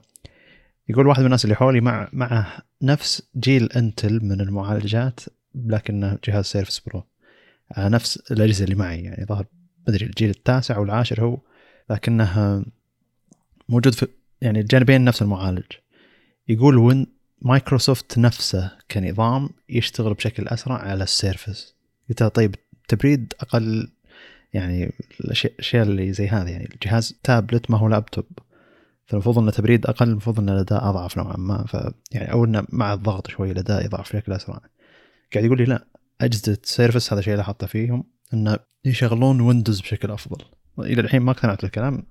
يمكن أقتنع بعد تجربة مباشرة لكن آه، تجربة هذه تجربة مستخدم آه، وصلت لي يعني فاستغربت أنا قلت معقول مايكروسوفت قاعد تجيب أداء أفضل لنظامها على نفس ال hardware الموجود في بقية الأجهزة؟ ما أدري شو دخل يعني؟ يمكن refresh rate يعني فارق عليه هذا واحد. اثنين سرعة تشغيل النظام آه، يعني تختلف كليا أو إنها آه، مكونات إضافية آه، متخصصة بسرعة تشغيل النظام. بمعنى إن ال PC حقي مهما رقيت ال hardware فيه بيبقى عندي موضوع ال BIOS وال motherboard يعتبر نوعا ما حاجز ولا أقدر أوصل للسرعه الموجودة على الهواوي اللي عندي اللي هو ال MateBook X MateBook X يعني من تضغط الزر إلى أن يفتح Windows وهو مستعد لتشغيل أي تطبيق. آه، ذكرت سابقا. إيه. سم هل هذا شيء ضايفته هواوي نفسها ولا؟ شوف أنا ما أقول إن هواوي أضافت هذا الشيء يعني تحت اسم هواوي أنا أقول لك إنه غالبا الأمور اللي تخص ال boot اللي موجودة بال motherboard سريعة جدا. فال motherboard متعاون مع يعني ال drive الموجود ف جانا هذا ال combination من السرعة الفائقة اللي حتى بعد كم خمس سنين يوم جاء ال M1 Pro أو أجهزة Mac الجديدة ما وصلت لهذه الأرقام. لأنه سريع جدا. أنا أقول لك حتى ال PC حقي أضعاف أضعاف أضعاف سعر سواء ال Mac ولا ال- الهواوي MateBook X هذا. آه، لكني مو قادر أوصل للسرعه آه، يعني طبعا مو قادر أوصل لأن ال motherboard هو اللي حاط حاجز لأن مثلا ال motherboard خلينا نقول ياخذ خمس ثواني إلى أن تروح ال يعني أو إلى أن يخلص موضوع ال motherboard يبدأ يجي مو- موضوع تشغيل ال- اللي هو النظام نفسه. اذا إذا شلنا هذا الشيء بيكون أكيد ال PC أسرع. بس أنا أتكلم إن في أشياء يسوونها الشركات يخلون سرعة ال boot up بالإضافة إلى حفظ الأشياء اللي كانت مفتوحة سابقا هذه إضافة على Windows وليست متعلقة ب Windows بشكل مباشر. فإذا هذا الكلام كان عن هواوي فكيف لو يعني كيف بيكون بأجهزة Surface أنا أعتقد أن في أشياء فعلا مخصصة ب Surface أحسن. ما أستبعد هذا الشيء يعني. وللأمانة أحس إنه مغري أكثر وأكثر كل ما مشى الوقت. يعني الجهاز خفيف تشيله معك. في انتقادات طبعا بالنسبة لي كثيرة جدا. من ضمنها شفت ال- اللي هو الشيء اللي تفتحه بحيث إنه يثبت السيرفس. أنا ما ما أشوف إنه في داعي القطعة بهذا الكبر بهذا الحجم آه، قطعة يعني من. ضمن الجهاز نفسه تتحرك. سم. حرام. يعني شنو اللي من أكثر الأشياء استخدامهم هذا أشوفها بالجامعة مثلا الناس اللي يستخدمون الإيباد يحاولون يعني يرفعون رفعة بسيطة بس مع الكفر وكذا لكن ما تزال الرفعة مرة كبيرة. لكن الأشخاص اللي معهم Surface أشوفهم اللي يحط الجهاز على الطاولة اللي قدامه وي يعني يحط على أدنى شيء يقدر بحيث إنه لما يستخدم القلم كأنك أنت بس رافع له الطاولة شوي عشان يقدر يكتب. طبعا. تقدر تخليه flat على الطاولة وتكتب لكن تحتاج إنك زي اللي ترفع نفسك عشان شوي تكتب على الشيء اللي flat على الطاولة. فزي اللي مستخدمين ال Surface بالجامعة يعني إحنا يا ان واحد مع Mac و iPad يا ان واحد مع Surface وهذا شيء تلاحظه بشكل كبير يعني. أو ناس شوي شاطحين يصير مع iPad و laptop Windows شيء زي كذا. بس عموما اللي اللي مع Surface هذا جامع الحسنين يعني ف زي اللي عايش حياته من نواحي كثيرة. يعني زي اللي أخوي الحين معه laptop Mac لكن قاعد يقول لي بحتاج iPad يعني اللابتوب بالجامعة غير عملي من ناحية إنك تكتب مذكر تكتب مع الدكتور ولا شيء زي كذا. فأحتاج iPad عشان أغطي الشيء ذا. قلت اخ لو يعني سعر القطعتين ذي جت ب Surface محترم. منها إنها Windows ومنها إن كل ملفاتك بنفس المكان ما يحتاج إنك تروح ال iPad عشان تجيب ملفات اللابتوب ولا تحتاج اللابتوب عشان ترسم ملفات ال iPad مع انه AirDrop سهل وكذا. لكن المقصد إن كل ملفاتك متجمع مكان واحد جهازك نفسه تقدر تبرمج فيه وتشوف التطبيقات اللي تحتاجها الجامعة جهازك نفسه تقدر تفتح فيه تطبيقات آه، زي اللي كتابة ملاحظات والأشياء هذه والقلم حقه محترم بنفس الوقت زي اللي آه، تراه يعني موجود يعني ال Surface ما يزال موجود في مكان ما قدروا الشركات الباقيين يغطون الشيء هذا. والشركات اللي كانت تجي تسوي 2 in 1 أو جهاز ينفصل ال keyboard عن التابلت زي اللي أيست من الفئة ذي انه أو الناس ما تشوف إلا ال Surface يستاهل. سابقا كان ترى في خيارات أكثر لكن الحين زي الشركات بدأت تنسحب بدأت يعني تركز إنه تسوي لابتوب محترم تابلت محترم مع إنه ما في تابلتات Android ما محترمة هي بس زي اللي ما حد يبي يسوي tablet Android. tablet Windows اقصد يعني. وأظن مقصد الشخص ذاك اللي كان يتكلم عن الها... عن نظام ال Windows بالذات أتوقع إنه ما زال يتكلم عن اللمس. يعني أتوقع إن اللمس تحسن جدا ب Windows لدرجة إنه آه، يعني الحين يستاهل ال Surface يعني. ولما تشوف أشخاص يستخدمون الجهاز يعني هذا تكلمنا عنه سابقا. لما تشوف أشخاص يستخدمون اللابتوب حقهم يستخدمون اللمس فيه. ترى في سرعة مبهره نوعا ما. اللي هو اختيار أماكن النصوص والأشياء هذه. زي اللي يعني أنا شفت واحد اللي يستخدم ال keyboard ويستخدم أصابع على الشاشة بشكل مباشر ما يستخدم trackpad على جهاز Windows تشوف إنه أو هذا أسرع مني قاعد أستخدم track pad track pad أنظف للشاشة والأشياء هذه لكن إذا الشاشة فيها لمس مو مو مهم إنها مرة تبقى نظيفه أو إذا الشاشة نفسها 2.5 D الـ glass الخ- الخارجي حقها ترى ما تلقط بصمات كثيرة تعتبر زي اللي أقل التقاط بصمات من الماك ترى أجهزة الماك بما أنها ما فيها لمس إذا جت عليها البصمة يلا يلا تنشال هذا شيء يعتبر مرة مزعج لكن الأجهزة. اللي تدعم اللمس. ترى إزالة البصمات فيها يعتبر أسهل زي. زي الزجاج الموجود على التابلتات اللي مدعوم فيها اللمس والجوالات. ترى إزالة لما تلاحظ إن إزالة البصمات من القزاز هذا يعتبر أسهل. بس عموما انه زي اللي أنت فاتح نص Word وتبي توصل للمكان هذا بالشاشة اللمس ولا بال track pad ولا بالكيبورد أسرع شاشة اللمس أسرع بشكل كبير. نفس الفكرة إذا كنت قاعد تصفح مواقع وتبي تضغط أزرار معينة موجودة في الموقع بدل ما تحرك لها الماوس تروح تضغطها على الشاشة بشكل مباشر.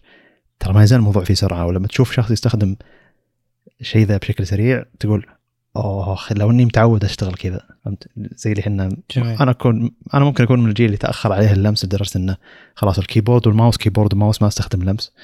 لكن هذا الشخص زي اللي جاء اللمس مع هذا تلقى جيله فمتعود على اللمس مع الكيبورد عادي يشتغل معه. فزي اللي أوف السيرفس يعتبر يعني شيء خدمة كبيرة له. أم يعني للأمانة أنا مو مرتبط عندي ويندوز ارتباط وثيق باللمس. أه لكن أنا متأكد أن له يعني في ناس يستخدمونه هذا الاستخدام بشكل كبير. أه لأن هذه فجوة أبل إلى الآن ما عندهم أي تخطيط لسدها. أه لأنه لو يعني تم إغلاقها مثلا ب يعني ماك بوك آه، فيعني في نسبة كبيرة من مستخدمين آيباد ممكن بيحتاجون يستخدمون جهاز واحد. بالإضافة إلى ذاك الوقت ممكن نحصل على 2 in 1 يعني ماك بوك ينفصل. وهذا شيء يعني يعني ما ما هو بتصورنا إن ابل تسوي شيء من هذا القبيل ابدا أتوقع.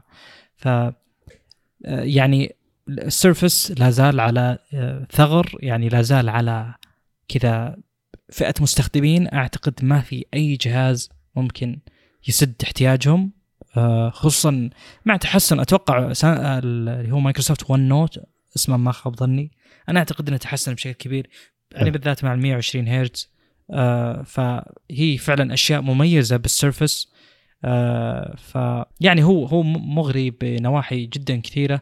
الأمر اللي فتح النقاش اللي بدأ تو اللي آه، يعني ضعنا عن النقطة وبعدنا عنها يعني آه، مؤخرا اللي هو فكرة ال- ال- ال stand الخلفي هذا. أنا ما أدري إيش يسمونه بالضبط.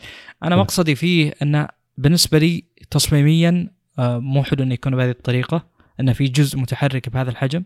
آه، شيء ثاني لو في ميلان بالسطح اللي بتثبت السيرفس عليه يعني لو كان فيه مثلا ميلان أو نتوءات بالطاولة فأنا ما أعتقد إنه بيثبت زين لأنه آه، يعني أرضيته مسطحة فيحتاج الأرضية اللي يثبت عليها تكون مسطحة. بمعنى ان لو كان فيه خلينا نقول آه، جزئين يمين ويسار آه، ويربط بينهم يعني شيء بالنص يثبتون الجهاز بمعنى أن في نقطتين فقط على آخر اليمين وآخر اليسار هذول بيثبتون بأي سطح ثبتهم عليه وبالنص فاضي بعكس ما هو موجود حاليا بيكون أفضل كمثبت من انه يكون والله قطع كذا مستطيلة تحاول مم. تثبت الجهاز. آه، أعتقد بتكون أفضل بكثير. سم. حلو. بقول لك مشهد صار آه، الصيف الماضي. لأن كان عندنا مادة كانت تتطلب إنك تكتب مع الدكتور بنفس الوقت إنك معطينا quiz وال quiz فيه برمجة لأن آه، كنا ندرس C C لغة برمجة. آه، فالمهم إن أغلب الطلاب يا أنا مطلع الايباد يا أنا مطلع التابلت حقه وقاعد يكتب يعني فاتح فاتح slide ات حق الدكتور قاعد يكتب ملاحظات على ال slide ات مع الدكتور. فزي اللي الدكتور قال يلا يا شباب خلاص الحين نبي نسوي quiz بحط السؤال على يعني متطلبات البرنامج اللي أنتم تسوونه على على البروجيكتور وكل واحد يفتح كمبيوتره يسوي شيء ذا ويرفع على يرسل لي على الإيميل ويرفع على Blackboard مو مشكلة. إن المشهد العام كل واحد سكر سكر ال tab حقه وفتح الشنطه طلع اللابتوب وفتحها. إلا شخصين تقريبا أو ثلاثة اللي زي هو نفسه السيرفس اللي كان قاعد يكتب عليه ملاحظات على ال slides حق الدكتور. أه، بس إنه يضطر إنه يفتح مثلا Visual Studio Code ويبدأ يكتب الكود حقه مع الدكتور. زي اللي هذ- هذول كمية الناس تحتاجوا جهازين هذا الشخص يحتاج جهاز واحد وهذا شيء واقعي أنا قاعد أشوفه. سابقا لما تقول لي السيرفس يستاهل أقول لك آه لا يعني مو مرة. لكن الحين أنت طالب سيرفس يوفر عليك كثير مرة كثير خاصة إذا كنت من الناس اللي يكتبون يكتبون يعني. أنا أستخدم التابلت حقي لكن بالعادة إني أفتح slide ات على تقريبا ثلاث ارباع الشاشه والربع الأخير من الشاشة آه، أحط فيه آه، أفتح تطبيق تطبيقات ملاحظه وافتح الكيبورد على كيبورد صغير على جنب وأكتب الملاحظات آه، على notes يعني. ثم لما أرجع أبدأ أرتب ال note حقاتي بالبيت يعني. لكن مثلا الدكتور قال شيء معين ولا شيء اللي أكتبه بال note على طول أكتبه بال note على طول. زي اللي ببالي يكون مرتبط ان أو ال note ذي لل slide هذا ال note هذا لل slide هذا. فانا ما أكتب بخط يدي يعني. لكن لما تشوف الأشخاص اللي يكتبون خط يدهم ومعهم سيرفس وفجأة إذا قال الدكتور افتحوا ال مثلا اللي هو نظام الجامعة أو موقع الجامعة حق رفع الواجبات أو حق تسليم شيء معين آه، أو برمجوا شيء معين بتقول لي أوه الآيباد الحين موجود فيه برامج حقت برمجة لا لا تكفى لا يعني. يعني إيه، ما- مرة ما يسد. مرة تفرق يا. يعني ملخص الكلام. لو قلت لك والله جهاز يسد جميع الاحتياجات ال Surface بكل تأكيد بيشغل لك الأصل كل شيء. بينما يوم تتكلم عن ال iPad مستحيل يغنيك على عن يعني كمبيوتر كامل. مستحيل صح. لا يمكن. فهذا الشيء مو بالضرورة يكون عيب. يعني. قد يكون احتياجك حلو. iPad فعليا. لكن آه، ما يقارن بال Surface كاكتمال يعني متطلبات ومكونات وبعدين Visual Studio Code يعني هو حق مايكروسوفت على Windows يا الله. يعني ترى كثير مستخدمين اللي يعتمدون على Visual Studio Code يعني دائما يقولون على Windows أفضل بكثير. إضافة آه، يعني نوعا ما أخيرة بالنسبة لي فيما يخص الموضوع. آه، أنا أعتقد لو نسأل لو يجي أحد يسألنا قبل يقول طيب ليش ما نشوف Surface قد ما نشوف آه، iPad Pro مثلا؟ الجواب بكل بساطة أنا أعتقد اللي يرد مستخدمين Apple عن ال Surface اللي هو ecosystem هم أصلا يدورون جهاز Apple جديد يشترونه فصعب يكون ال Surface هو اللي تحديدا بيسد الاحتياج. آه، لكن هو يعني تقنيا لو ناخذه جهاز مستقل بلا أدنى شك يسد أمور كثيرة أكثر بكثير من ال iPad. وهذا شيء يعني Apple نفسها تقول وتتكلم على اللي هو إنه لا ال iPad شيء والكمبيوتر الكامل شيء آخر. مايكروسوفت ما تقول هذا الشيء. مع إن مايكروسوفت هي كمبيوتر كامل آخر. فعلا. وتز كمبيوتر بالنسبة للدعايات آيباد يعني. بس يعني على- على السيرفس هو اللي عنده فول ويندوز أنا عندي فول كمبيوتر يعني. ف... ف... يعني الآيباد دور لي تطبيقات حقت بداية الألفية ولا بالتسعينات تقدر تشغلها. أصلا ما لها تطبيقات في ذاك الوقت يعني. الماك يلا يشغل تطبيقات قديمة تبي يشغل أشياء زي كذا. فزي اللي مايكروسوفت وش في تطبيق مطور عام 95 تحتاج تشغله تطبيق مهمة واحدة موجود تقدر تشغله. زي, فعلا. زي اللي هذا شيء مبهر مره إنك ترى أوه بال Mac تقدر تشغل تطبيق مطور عام 2005 آه، اي الحين. يعني هذا شيء من المستحيلات. إذا تعديت متطلبات Apple يا الله يا الله والله معاناة مو طبيعية من ناحية طب يعني إذا جيت تثبت تطبيق الشركة يا أنها ما تعرفها Apple وما هي متوافقة ما هي متوافقة مع Apple بس أنت حملت الملف يعني. ما أدري. DMS الظاهر ال- dot DMS الملفات اللي المفروض إنها تثبت على على ال Mac. يعني لازم أول شيء تعطي إذونات كثيرة وتقول Apple ترى أنا عارف التطبيق هذا ومرات يقول لك لا ما راح تثبته.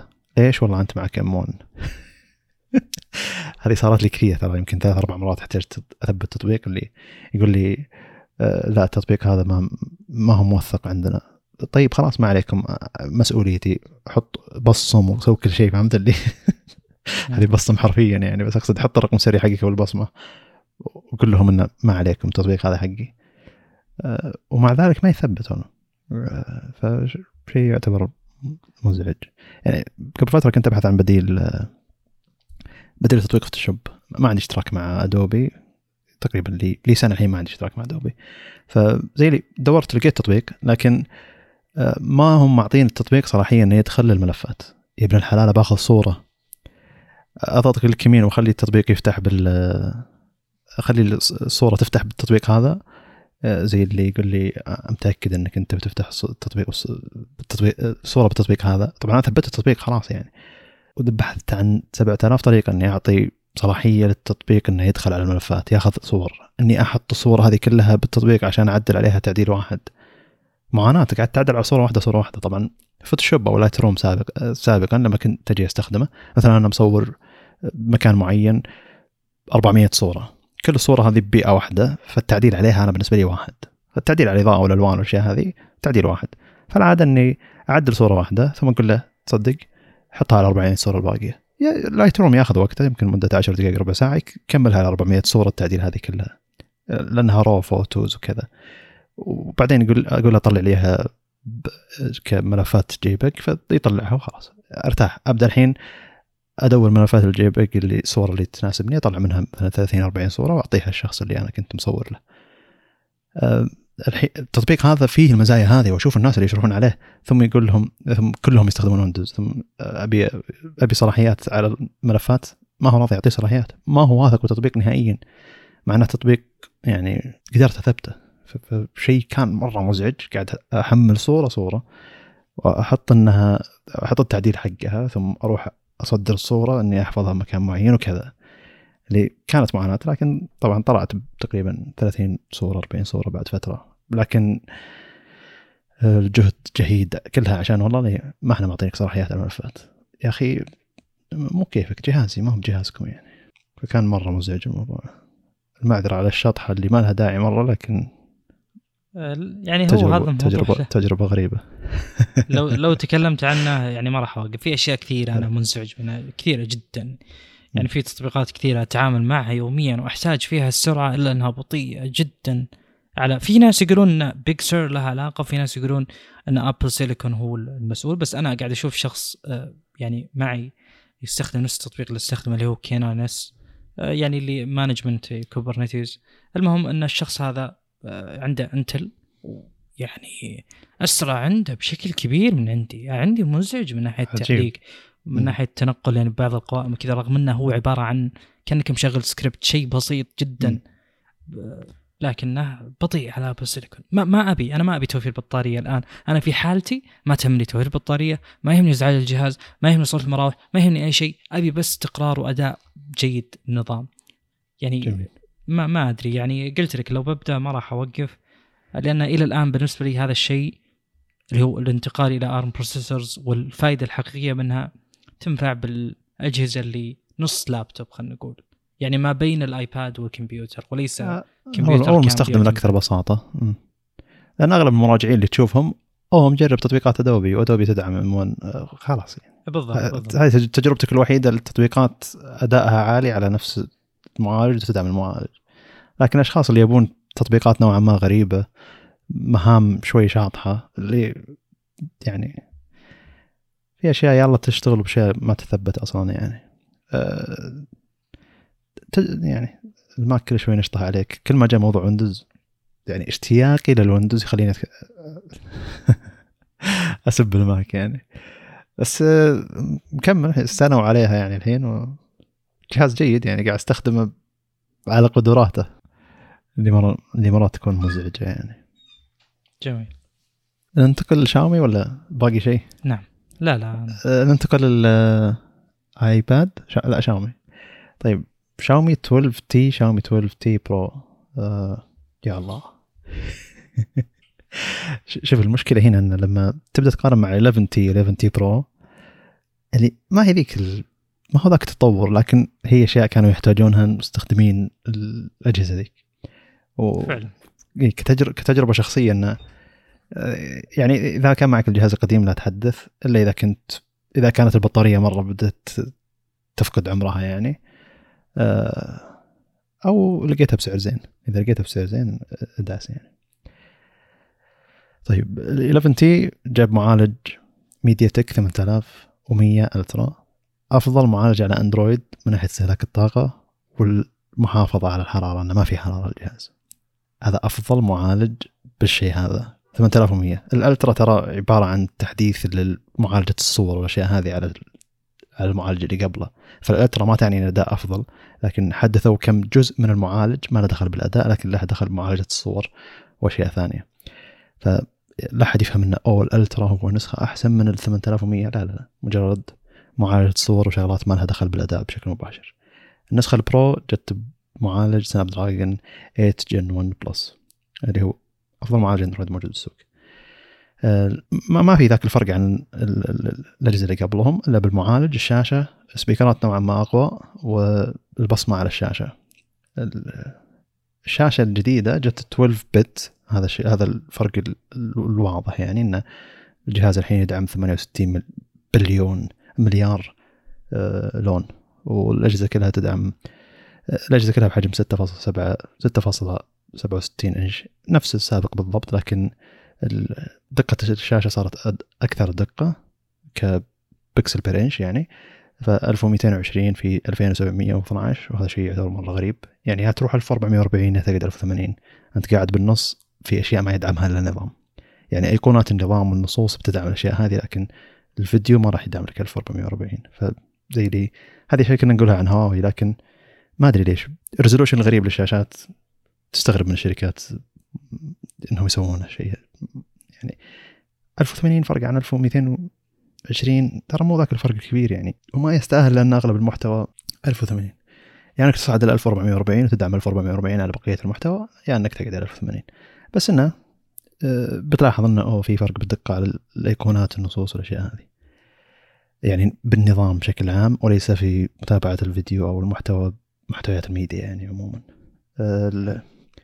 الكاميرات النسخة العادية 108 ميجا 108 ميجا بكسل لكن الفرق عنها انها ان المستشعرات يعني المستشعر نفسه اصغر لكن في OIS اللي هو مثبت البصري فاحتماليه ان ال 12T بيكون افضل في الاداء بالليل عن ال 11T العادي يعني الحين قاعد نتكلم عن العادي لأن كلها 108 ميجا بكسل آه، لكن في مثبت بصري حقيقي اللي هو OIS وال OIS من تجربه شخصيه شيء مهم في التصوير في الليل من الأشياء اللي تعتبر معاناة بال 11T آه، إنه ما في مثبت بصري. حقيقي فالتصوير بالليل لازم تثبت يدك بشكل أكثر عشان تأخذ صورة بشكل أفضل. آه، صور كثير يصير فيها اهتزاز إذا كان قاعد يأخذها يعني ب shutter نوعا ما بطيء عشان الوضع شوي مظلم. الكاميرا الثانية لل Pro اللي هي 200 ميجا بكسل آه، حجم المستشعر مرة يعتبر كبير اللي هو واحد على واحد فاصلة اثنين آه، وفي OIS الكاميرتين الباقية ال ultra wide وال macro كلها نفسها ال ultra wide 8 ميجا بكسل معروفة. دائما نتكلم عنها نفس ما هي عليه. وال 2 ميجا بكسل اللي هي ال macro. الكاميرا 820 ميجا بكسل آه، تعتبر كاميرات صغيرة جدا وما تعتبر أداءها جيد صراحة للأسف.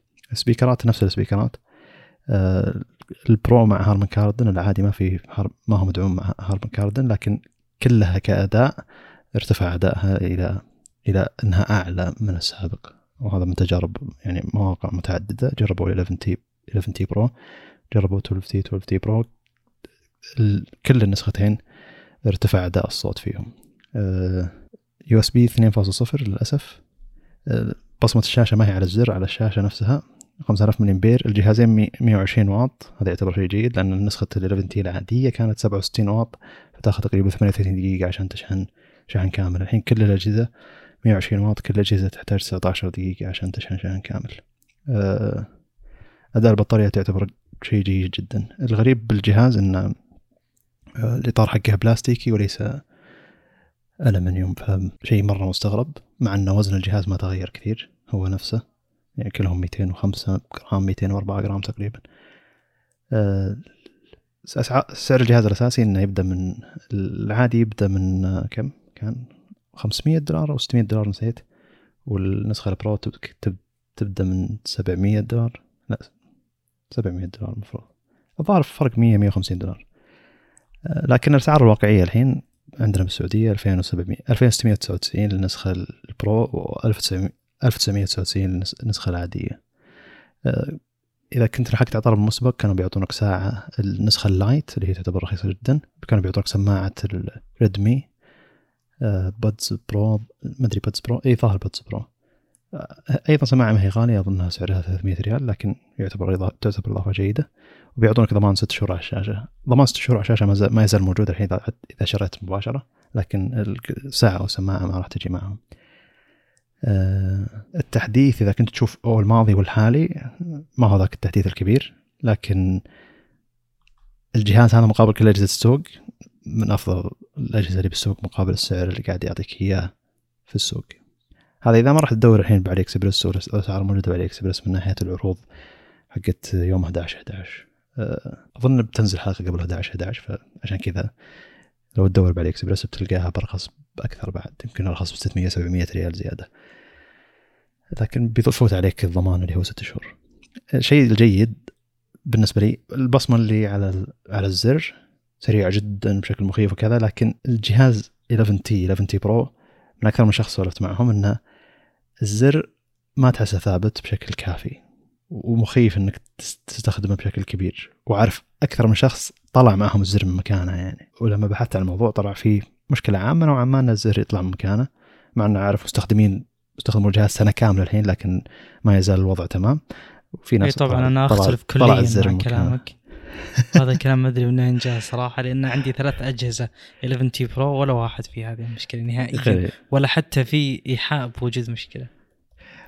أنا الزر مو- ضامنه. لما لما الزر أحط اصبعي عليه وفي حركة قبل لا أضغطه حركة على فوق وتحت أحس إنه أقل جودة من الباقي.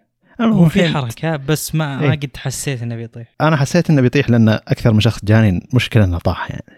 فزي اللي صار شعور هذا إنه أوه الحين بيطيح هذا بقرب وقت. مع إنه ما صارت معي وال- والحركه نفسها ما تغيرت. مو تقولوا إنه أوه إيه. الزر قاعد يضعف مع بعد فترة ولا قاعد يتحرك بشكل أكبر. ما أدري إيش طبيعة الاستخدام الأشخاص اللي طاح معهم الج- الجهاز اللي طاح معهم الزر لكن المفروض إن الزر ما يطلع مكانه. هذا شيء مفروض.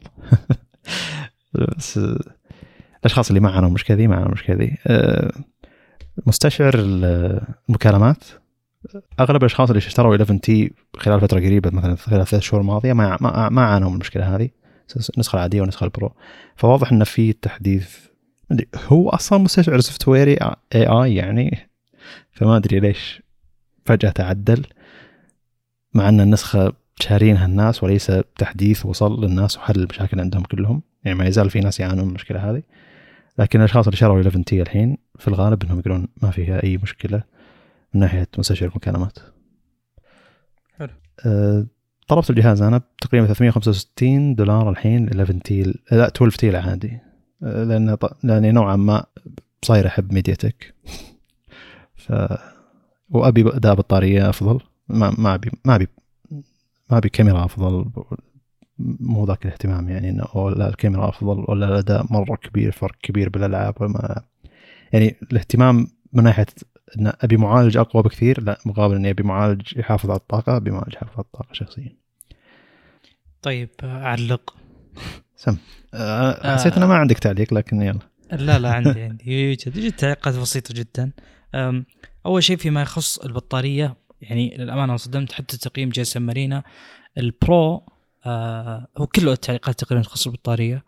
ال Pro 91 ساعة والعادي أتكلم عن ال 12 T. ال Pro 91 والعادي 102 100 ساعتين فشلون؟ ما عندي أي فكرة. وأنت من أول تقول إن ال 11 T أفضل من ال Pro بالاستهلاك. آه، عموما الأمر الآخر سرعة الشحن هو لا زال 120 واط. فالمفترض السابق 5000 اللي هو 11 T Pro 5000 ملي أمبير يشحن من صفر ل 100 ب 17 دقيقة. الآن نفس الشيء 5000 ملي امبير على الاثنين آه، وكلهم 120 واط يشحنون بصفر ل 100 19 دقيقة. ففي دقيقتين فرق ودقيقتين على يعني نسبيا في هذه الأرقام صحيح. آه، يعني ت- ما يقارب 10% فرق بالسرعة. فهذا اللي أنا أتكلم عنه من زمان إن ساعات البطارية بالنسبة لي أمر أنت يعني مثلا تتكلم على إنه والله الساعة المقدرة والساعة الحقيقية إلى آخره بالتقييمات هذه أنا ما تهمني هذه الأشياء كلها أنا يهمني أداء على أرض الواقع. هذا بحد ذاته كون الشحن 120 واط ويشحن بزمن أكثر يقتضي بالنسبة لي إن البطارية تحسنت وكأرقام كتجارب أداء عند كل الناس البطارية تحسنت. فيعني آه، شيء ممتاز إن البطارية تحسنت. أنا أتمنى أن نجد مقياس البطارية أفضل من المقاييس هذه. أنا أتمنى في طريقة معينة تقدر تختبر فيها بس استهلاك يعني الطاقة بالبطارية نفسها أو سرعة يعني نفاذ البطارية آه، مو يعني بشكل غير متعلق بالجهاز أو النظام نفسه لأن في أمور كثيرة تدخل بالحسبة من ضمنها الريزولوشن إلى آخره. فأنا ما أدري متى للامانه يطلع لنا مقياس دقيق لكن هذا قدامكم جهاز آه، تحسن فيه تحسن فيه استهلاك الطاقة مو كاستهلاك طاقة وإنما كزمن يعني بقاء البطارية بالإضافة إلى أن الشحن صار أبطأ بنفس القوة شلون أنا ما عندي أي فكرة لكنه تحسن فأنا أتمنى يعني كل الأجهزة تحذو هذا الحذو أنه والله البطارية بنفس الرقم بس تصير أحسن آه، لسبب أو لآخر أنا الكل يهمني البطارية تكون أحسن. الأمر الأخير بعلق عنه غير البطارية أعتقد ما يتعلق بالشكل، الشكل جدا جميل، جدا جميل. بالنسبة لي ترتيب الكاميرات أجمل بكثير من السابق. كون أن الجهاز صار أقرب إلى انه يكون مربع أعتقد إنه أمر أفضل. زيادة ال resolution أمر مرحب فيه يعني مجملا سواء فاد بشكل مباشر أو لا. الجهاز صار يعطيك أكثر بنفس السعر يعني على قولتهم what's not to like كل شيء أحسن. آه كل شيء تحدث. آه بسوقنا السعودي تاخذ أعلى نسخة موجودة ب 2799 أو 2699 يعني ما فرق السعر. فهذا يعني هذا الجهاز بالنسبة لي صراحة آه، يستحق التصفيق. كل شيء تحسن بنفس السعر. كل شيء يعني فعليا كل شيء بحسب اللي أشوفه. شخصيا كنت أتوقع ب 3000 ريال سعودي. وهذا يعني هذا اللي المفترض يكون كنت يعني. أتوقع المنطقي إن أنت جبت لي معالج أقوى وأجدد وكاميرا أكبر وأفضل. ترى المستشعر إي ترى المستشعر مرة كبير. يعني 1.1 على 12 1.1 على 12 يعني قريب إنه يكون واحد إنش وخلاص يعني نوصل لل Ultra يعني. آه، ف مستشعر الكاميرا جدا كبير. ما لي دخل بال 200 ميجا بكسل التسويقية ذي لكن الحجم ذا راح يأثر على استقطاب الإضاءة بالليل والأشياء هذه. فالكاميرا بتكون أفضل بشكل كبير. بالبدايات والأشخاص اللي راجعوا بدايات إصدار الجهاز ترى يعني زي ما صار مع ال 11 ألترا نفس الفكرة اللي اللي أو حتى الحين 12 إس ألترا اللي بداية مستشعر جديد على الشركة ترى معالجه الصور يعتبر عندهم محيوسة شوي. فزي اللي نوعا ما أعطاه وقت. ال 11 ألترا القديم الحين من أفضل الكاميرات الموجودة في السوق على على الجوالات. وفي ناس إلى الحين باليوتيوب مثلا ينصحك إنك الحين تشتري 11 ألترا مع إنه نوعا ما الجهاز بعيد والمعالج حقه نوعا ما قديم لكن لما تلقاها ب 600 دولار 650 دولار على كل ذيك المواصفات ترى شيء مبهر. أه ونفس الفكرة الحين يعني ال 12 S ترى أول ما نزل كان في مشاكل نوعا ما بال focus كان في شوية مشاكل لأن المستشعر واحد إنش يعتبر جديد على الشركة فلازم تعطيه وقت. نفس الفكرة جوجل تكلمنا عنها قبل شوي إنه أو كان مستشعر جديد عليهم. أول ما نزل بيكسل 6 كانت كانت المعالجة تعتبر غريبة والاشياء هذه. ثم يحسنون المعالجة مع الوقت يعني وتكون الكاميرا أفضل. لكن المفروض إننا نحكم على الجهاز أول ما ينزل مو على إنه أوه والله بتحسن الشيء ذا. لكن نتكلم عن إنه أول ما ينزل البيع مو أول ما يراجعونه المراجعين يعني. أول ما يراجعون المراجعين ترى نسخة مرة بدائية بالأصل إنه بيوصل الناس فيه كم تحديث يعني. فالمفروض إنك تاخذ وجهات النظر الناس اللي يكتبون المنتديات أكثر من وجهات نظر المراجعين اللي راجعوه خلال أول أسبوع نزلت الشركة اللي هو بعد أسبوع أو أكثر نزل يشترون يعني يشترونه الناس. في العادة أول تحديث تحديثين يحسنون أشياء كثيرة. أنا ما عجبني الانتقال للبصمه البصمة حقت الشاشة. كان ودي يبقون على بصمة الزر لكن يحسنون نفس الزر جودة الزر نفسه. أو يحطون بدون زر زي أذكر ما أدري منه كان مسوي الشغلة ذي ظهر سامسونج مع S 10 e اللي ما هو زر مجرد بصمة. إذا ضغطت عليها معناته إنك فاتح الجهاز إذا لمسته مرة ثانية معناته تسكر الجهاز. زي زر اللمس. ما هو زر فيه haptic feedback يعني أو تحس إنك قاعد تضغطه أو فيه spring قاعد يردك إنك تضغطه. أنا في نقطة ذكرتها بس اكتشفت إنها يعني غير دقيقة اللي هو إن البطارية حقت ال 12 T قلت 100 وساعتين بينما هي 104 ساعات فهي أفضل حتى من اللي قلته. فالفرق بينها وبين بطارية ال 12 T Pro بالنسبة لتقييم GSMArena يعني فعلا فرق واضح جدا. والآن يعني نوعا ما أقدر أقول إني أفهم والله ليش ممكن تفكر تاخذ اللي هو يعني Dimensity MediaTek؟ هو شوف أنا كنت أبحث عن المعالجات من أول ما نزل معالج ال 8 جن 1 العادي مو نسخة البلس يعني وكنت أشوف مشاكل استهلاك الطاقة والحرارة يعني. ومع إنه مع التحديثات انحلت مشاكل كثيرة خاصة مع سامسونج. سامسونج هي أكثر شركة عندها المعالج هذا أداء مستقر والوضع تمام. يعني بقية الشركات خاصة موتوريلا أول ما نزل الجهاز كانت حرارته فظيعة. وحتى شو اسمه ذا ال 12 العادي من شاومي نفسها كانت الحرارة شيء مجهد لو تشوف اداء البطارية بكل المواقع بكل هذا اللي تشوفه شيء مخيف يعني مرة الأداء ضعيف. لكن أظن مع التحديثات حاولوا يوزنون أداء الجهاز مع المعالج هذا. لكن ما أدري ليش MediaTek قاعد تعطي أداء مثلا ترى ال Dimensity 8100 قاعد يقارن ب 888 حق السنة الماضية. لكن استهلاك الطاقة ولا شيء بالنسبة ل 888 حق السنة الماضية. ف زي اللي الحين MediaTek قاعد تقود السوق من ناحيه استهلاك الطاقة مقابل إن Qualcomm ذيك السنين كانت بدايتها إنها قاعد تقود السوق من ناحية استهلاك الطاقة. فزي اللي MediaTek قاعد تنافس منافسة ممتازة. وحنا تكلمنا سابقا يعني إنه ترى MediaTek قاعد تبيع أكثر. فزي اللي صحيح إن Qualcomm شركة كبيرة المفروض إنه أوه هي قاعد تعطي أداء أفضل هي موجودة على كل أجهزة ال flagship المفروض إن الربح حقها أكثر لأن معالجاتها أغلى. لكن آه، MediaTek المنافسه حقتها مرة ممتازة.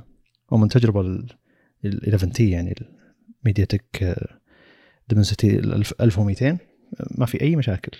حتى تقنيات Qualcomm حقت البلوتوث موجودة مدعومة. وما أدري شلون مدعومة لكن مدعومة. أستغرب يعني عندي سماعات تدعم ال aptX اللي هو تقنية بلوتوث مخصصة ل Qualcomm شغلتها على جوالي وقاعد يطلع لي إنه أوه aptX مدعوم. اللي لحظة أنت MediaTek إيش دخلك في معالجات Qualcomm مع إنه ترى سامسونج حتى لو كان معك Snapdragon ما يشتغل aptX أو ما تشتغل بعض بعض تقنيات بلوتوث حقت Qualcomm أه هذا شيء يعتبر شيء مستغرب. ما أدري ليش سامسونج قاعد تسوي شيء هذا. أه أحتاج أحدث المعلومة ذي لأن الجهاز اللي أخذته منهم كان معالج Exynos ما كان Snapdragon لكن الناس كانت تشتكي سواء Snapdragon أو Exynos فالجهاز هذا كان مبهر حتى من ناحية إن الوكيل جاب سعر زين. واي واحد كنت أقدر اوصي يعني أنا إلى قبل ثلاث أربع شهور كنت أوصي بال 11 T Pro. الحين أي واحد يجيني ميزانيته تحت 3000 ريال أعتقد إني بوصيه بالشاومي. أه، شيء مرة مبهر. مو أنا الوحيد اللي شاومي 11 هذا 12 T Pro يعني. وإذا كان يبي جهاز جهاز صغير أظن 12 12 X يعني بس هذا يضطر إنه يطلبه من برا لأنه ما هو موجود عندنا. المقصد إنه آه يعني مو أنا الوحيد اللي يتفق إن ال animation وسرعة النظام هو يعني هي الأسرع الموجودة بالسوق. يمكن لاحظت مراجعين مراجعين ثلاثة انه يقولون انه اللي قاعد تسويه شاومي بال animation حق التطبيقات فتحها وإغلاقها وسرعة النظام بشكل عام ما هو شيء عادي من أكثر من من مراجع باليوتيوب. ومراجعين يعني شرق آسيويين وكذا. فزي اللي أنا قاعد أقول أوه مو بس أنا قاعد ألاحظ الشيء هذا. طبعا هم المقارنة مع مع ريلمي اوبو OnePlus يعني مو المقارنة مع سامسونج اللي نوعا ما مدري ليش شوي ال animation حقها هابطة من بقية السوق. لكن مو هذا الشيء مو أنا الوحيد اللي ملاحظه. وهذا شيء أضاف لي انه إيه لا صح صح علي. مو أنا اللي ما هو انحياز ولا أو مسرع شيء معين ولا حاب بان النظام ولا حاب شكل شيء معين. يعني ما هو انحياز. لما لقيت ناس آه. يتكلمون إنه إنه أوه. حلو. والسرعة والسرعة صعب تنحاز فيها لأنه شيء قابل للقياس. تشوف أوه هذا أسرع. والله أنا يعني مؤخرا أشك بنزاهة يعني يعني المقدمين الأمريكان اللي نشوفهم. هذا شيء تكلمت يعني معك عنه. لأنه فعلا إهمال جدارة شاومي منهم بشكل كبير خصوصا لأنهم غالبا ما يعطون الأجهزة هذه اللي ميزانيات التسويق فيها تكاد لا تذكر أو حتى غير موجودة أصلا. يعني أنت تشوف ذول الشرق آسيويين آه، يشترون الأجهزة بأنفسهم. المهم آه، يعني بديت أقول لا لا معليش يعني ترى السوق مو بس آه، سامسونج وابل أنا أعتقد يعني دعم سامسونج لذولا خلينا نقول الأمريكان يعني شيء كبير جدا. فيخلي الأمريكان يقارنون بشكل مباشر حتى بعض الأوروبيين بين سامسونج وأبل بينما المنافسة كسرعة يعني سامسونج تصير تمثل أندرويد بالنسبة لهم.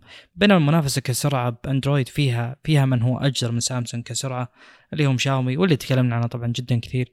ف يعني أنا بديت فعلا أقول لا لا ترى في انحياز لأن أنا تجربتي وتجارب ناس كثير تقول هذا الكلام وهذا الكلام ما نشوفه. يعني هم أنا ما أقول هم منحازين إن هم قاعد يقولون معلومات غلط لا أنا أقول إنهم ما يذكرون الشيء اللي يستحق الذكر لأنه بكل بساطة الجهاز اللي يستلمونه يسوون عنه مراجعة اللي ما يستلمونه ما يسوون عنه مراجعة. وإذا تكلموا عن الأجهزة في بعضهم يقتني بعض الأجهزة اللي من شاومي. آه، زي شفت واحد معروف تكلم عن K 20 Pro. وش تكلم عنه بال K 20 Pro؟ تكلم عن الكاميرا تكلم عن أمور أعتقد اللي يقتنون هذه الأجهزة ما يفكرون فيها بشكل أساسي. يعني K 20 Pro كان من الأجهزة اللي إذا جهازك طبعا ذاك الوقت منتشرة أجهزة 60 هرتز اللي إذا كان جهازك 60 هرتز وتنتقل هذا 60 هرتز تحس إنك رقيت إلى 90 ولا إلى 120 هرتز من سرعة ال animation وعدم وجود أي lag فيها. فهو فعلا شيء غير مذكور اعلاميا يعني وللأسف طبعا. جميل. أه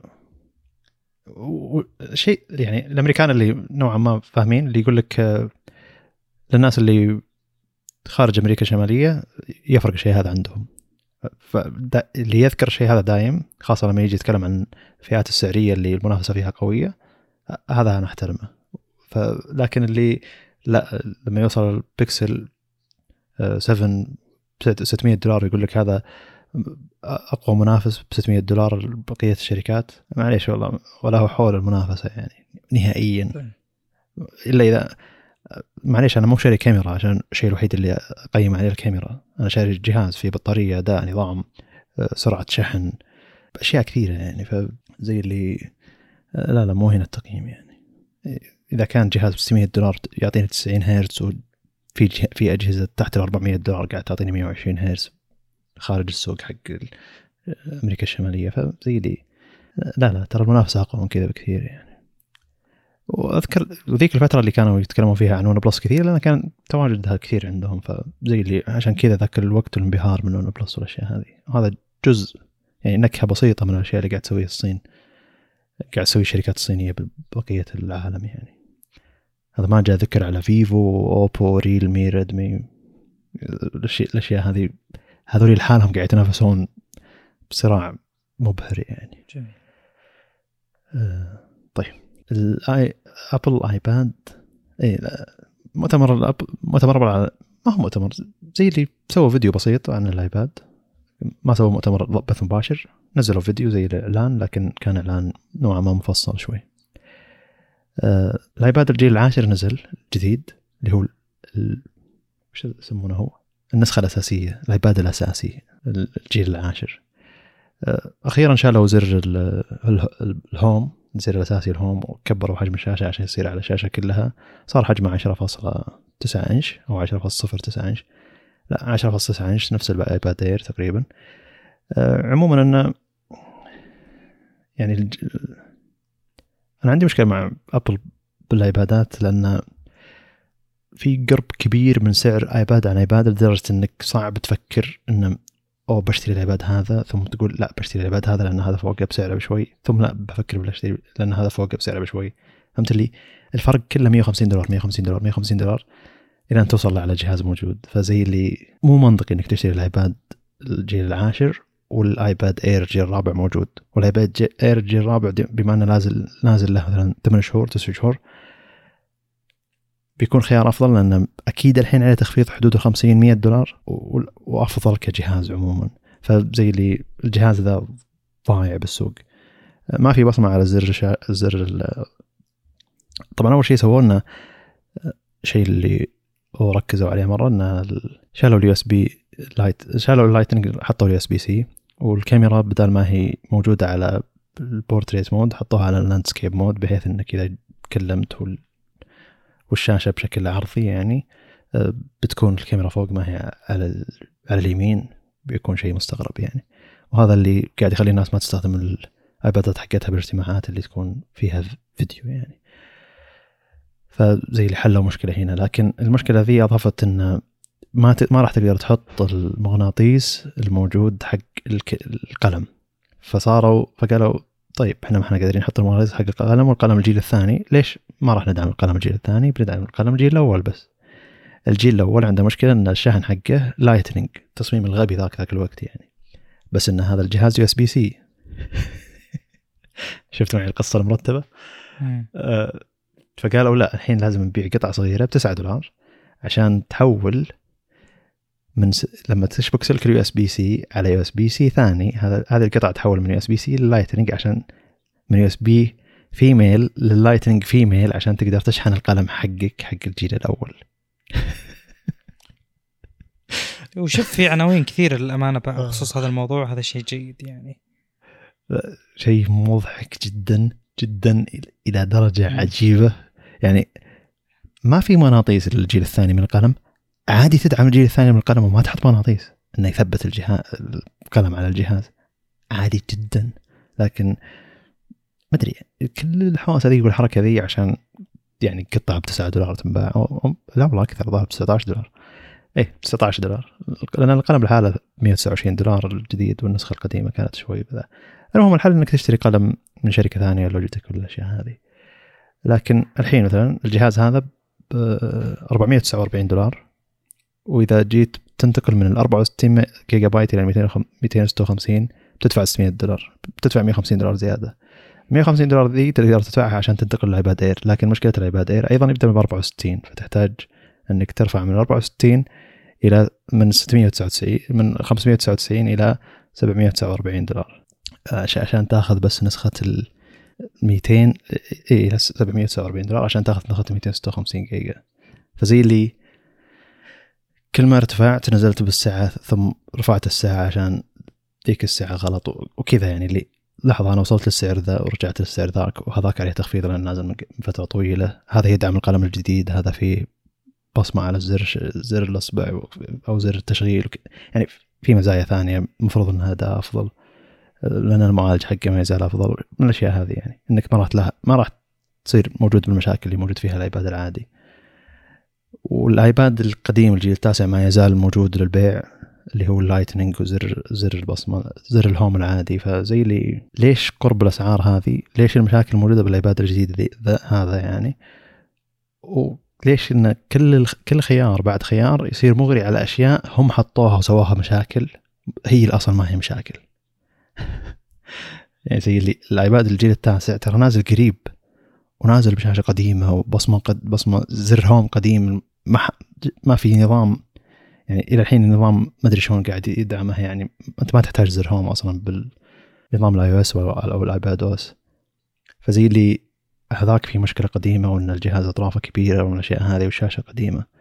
فأنت تنتقل للي بعده بتحصل مشاكل غبية ثانية انه أو القلم ما هو مدعوم الجيل الثاني ال USB حقه ثم إذا انت بتشتري نفس القلم لازم تشتري له قطع عشان تشحنه. ثم الفرق بالسعر اللي بعده 150 دولار بشكل رسمي لكن تلقى الفرق 75 دولار أو 70 دولار تقريبا. وبيستاهل الارتفاع هذا ثم لما تروح النسخة اللي بعدها بتقول اوه بدينا ب 64 جيجا لازم أرتفع 250 جيجا 256 جيجا فتدفع 150 دولار زيادة. المهم إنه صعب توصي أحد ب iPad جدا. يعني صح. قرب كل جيل من جيل ومشاكل كل نسخة عن نسخة تعتبر غريبة. وليش في تابلت بعام 2022 64 جيجا بايت ليش؟ هو تابلت المفروض إنه مليان ملفات هو المفروض إنه أوه جهاز عملي الحين وتز كمبيوتر إحنا بنخلي هذا الجهاز هو كمبيوترك. الكمبيوترات تبدأ من 256 آه ما اللابتوبات تبدأ من 512 كثير منها يعني. إذا بتدفع 700 دولار أغلب اللابتوبات تبدأ من 512 يعني. ترى 265 على 800 دولار 900 دولار على. على الماك إم 1 أصلا ان إن ذاكرته 256 هذا شيء عيب يعتبر يعني. شلون Mac يبدأ 256 هذا لابتوب المفروض إنه يبدأ من 512 على الأقل. ولو تشوف الشركات الثانية ما ما في أحد يبدأ من 64 على تابلت وما في أحد يبدأ 256 على لابتوب. مع انك بتلقى بس أشياء رخيصة مرة. فزي اللي شيء غريب يعني. ومشكلة رفع السعات يعني كلها بميت... يا 150 دولار هنا في عالم ال iPad ولا بال Mac 200 دولار عشان ترفع على سعة واحدة. ف زي اللي. آه يعني مرات تقول أوه السعر منطقي الاداء حلو ما أدري وشو. ثم تقول لما تشوف إنه أوه السعر ذا على ذي الساعة أوه السعر ذا على ذي مشاكل أوه النسخة اللي بعدها أقوى ومع إن الفرق 150 دولار. وزي كذا. المهم إنك تاخذ تاخذ تاخذ إلى أن توصل تقريبا يعني الآيباد اللي أكثر توصية اللي هو الآيباد Air الجيل الرابع 256 جيجا. يعني ممكن هذا اللي أو بوسطهم يعني من ناحية الأسعار. لكن بقية الآيبادات كلها مليانة مشاكل وأجزم لك إن اللي يشتريها يعني يا أن شاريها لطلاب ولا فئة السعرية كذا بالضبط يعني. فشيء صاير غريب يعني. خصوصا كثير من الاحتياجات يعني اللي تفكر فيها يوم تقتني آيباد غالبا مثل قضية البكسل وحتى أقوى من ناحية أن الأمور السوفتويرية طالما أنها متوفرة الأمور الهاردويرية ما تفرق معي كثير يعني. ف يعني يخلي مسألة شراء آيباد أصعب وأصعب ويخلي اقتناء الآيباد المتقدم نوعا ما أقل يعني احتياج. لأن بالنسبة لي أنا أنا لو تقول لي شخصيا آيباد غالبا اللي بحرص عليه 120 هرتز وقلم وبس. فهو لو حط لي هذه الميزات واللي غالبا أنا في أعلى فئة فأنا مضطر آخذ أعلى فئة. بشكل يعني ما يعني أفترض إنه مو هذا التوزيع اللي المفروض يكون يعني بال line up هذا اللي فيه خمس أجهزة ايباد تقدر تشتري منها. صح إن اثنين منها الجيل يعني التاسع والجيل العاشر من الايباد الكلاسيكي لكن البقية يعني فيهم كذا أمور غريبة جدا. من ضمن الأمور مسمى Air بالايباد يعني إنه أفضل أداء من الآيباد العادي بينما مسمى Air في الماك بوك يعني إنه الأقل اداء لأنه كان في ماك بوك 13 إنش أحسن من ماك بوك Air بوقته ذاك الوقت وأغلى وكل شيء اللي كان يجي ب keyboard يعني من الطرف إلى الطرف. فيعني في أمور كثيرة ب line up الآيباد ما أشوف لها معنى كبير يعني. حلو. أه، أه، معلومة إنه ما في بصمة على الزر أه، خاطئة. الآيباد الجيل العاشر فيه بصمة على الزر. لكن الآيباد Air المعالج M1 فتحديث نوعا ما يسوى أكثر وأكثر. مرة شيء غريب يعني دعم القلم الجيل الأول بس غريب. والمشكلة الحين حاط يعني الجهاز ب 450 دولار حاطين له Magic Keyboard ب 250 دولار. يعني اللي شاري تابلت ب 450 دولار عنده استعداد يشتري cover و keyboard ب 250 دولار. اللي ليش؟ وين؟ شيء مو معقول. يعني على الأقل المفروض ان نوعا ما استرخصتوا بال بال keyboard نفسه. ال Magic Keyboard وحطيته دام إنه مخصص التابلت بسعر رخيص. مو معقول إنه يكون فعلا إيه. ال keyboard بأكثر من نص سعر الجهاز. ف...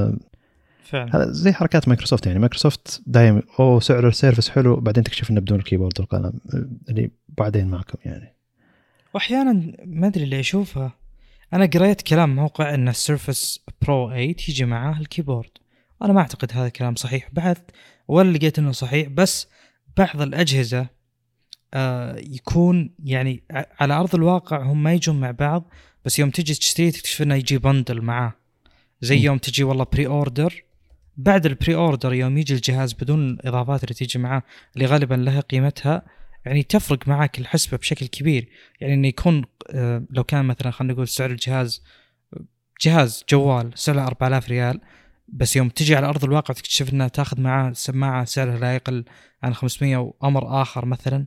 فهنا السعر نوعا ما يكون مبرر مقصدي بالكلام هذا إن آه، يعني مثلا زي الآيباد اللي هو إنه يبدأ من 64 جيجا آه أنا ما عندي مشكلة إن في نسخة آيباد على أرض الواقع بالكرة الأرضية 64 جيجا. هذه الحقيقة ما تشكل لي مشكلة. لكن مشكلتي يوم يكون ال default لكل الناس إن يبدا السعر من ال 64 جيجا هذا.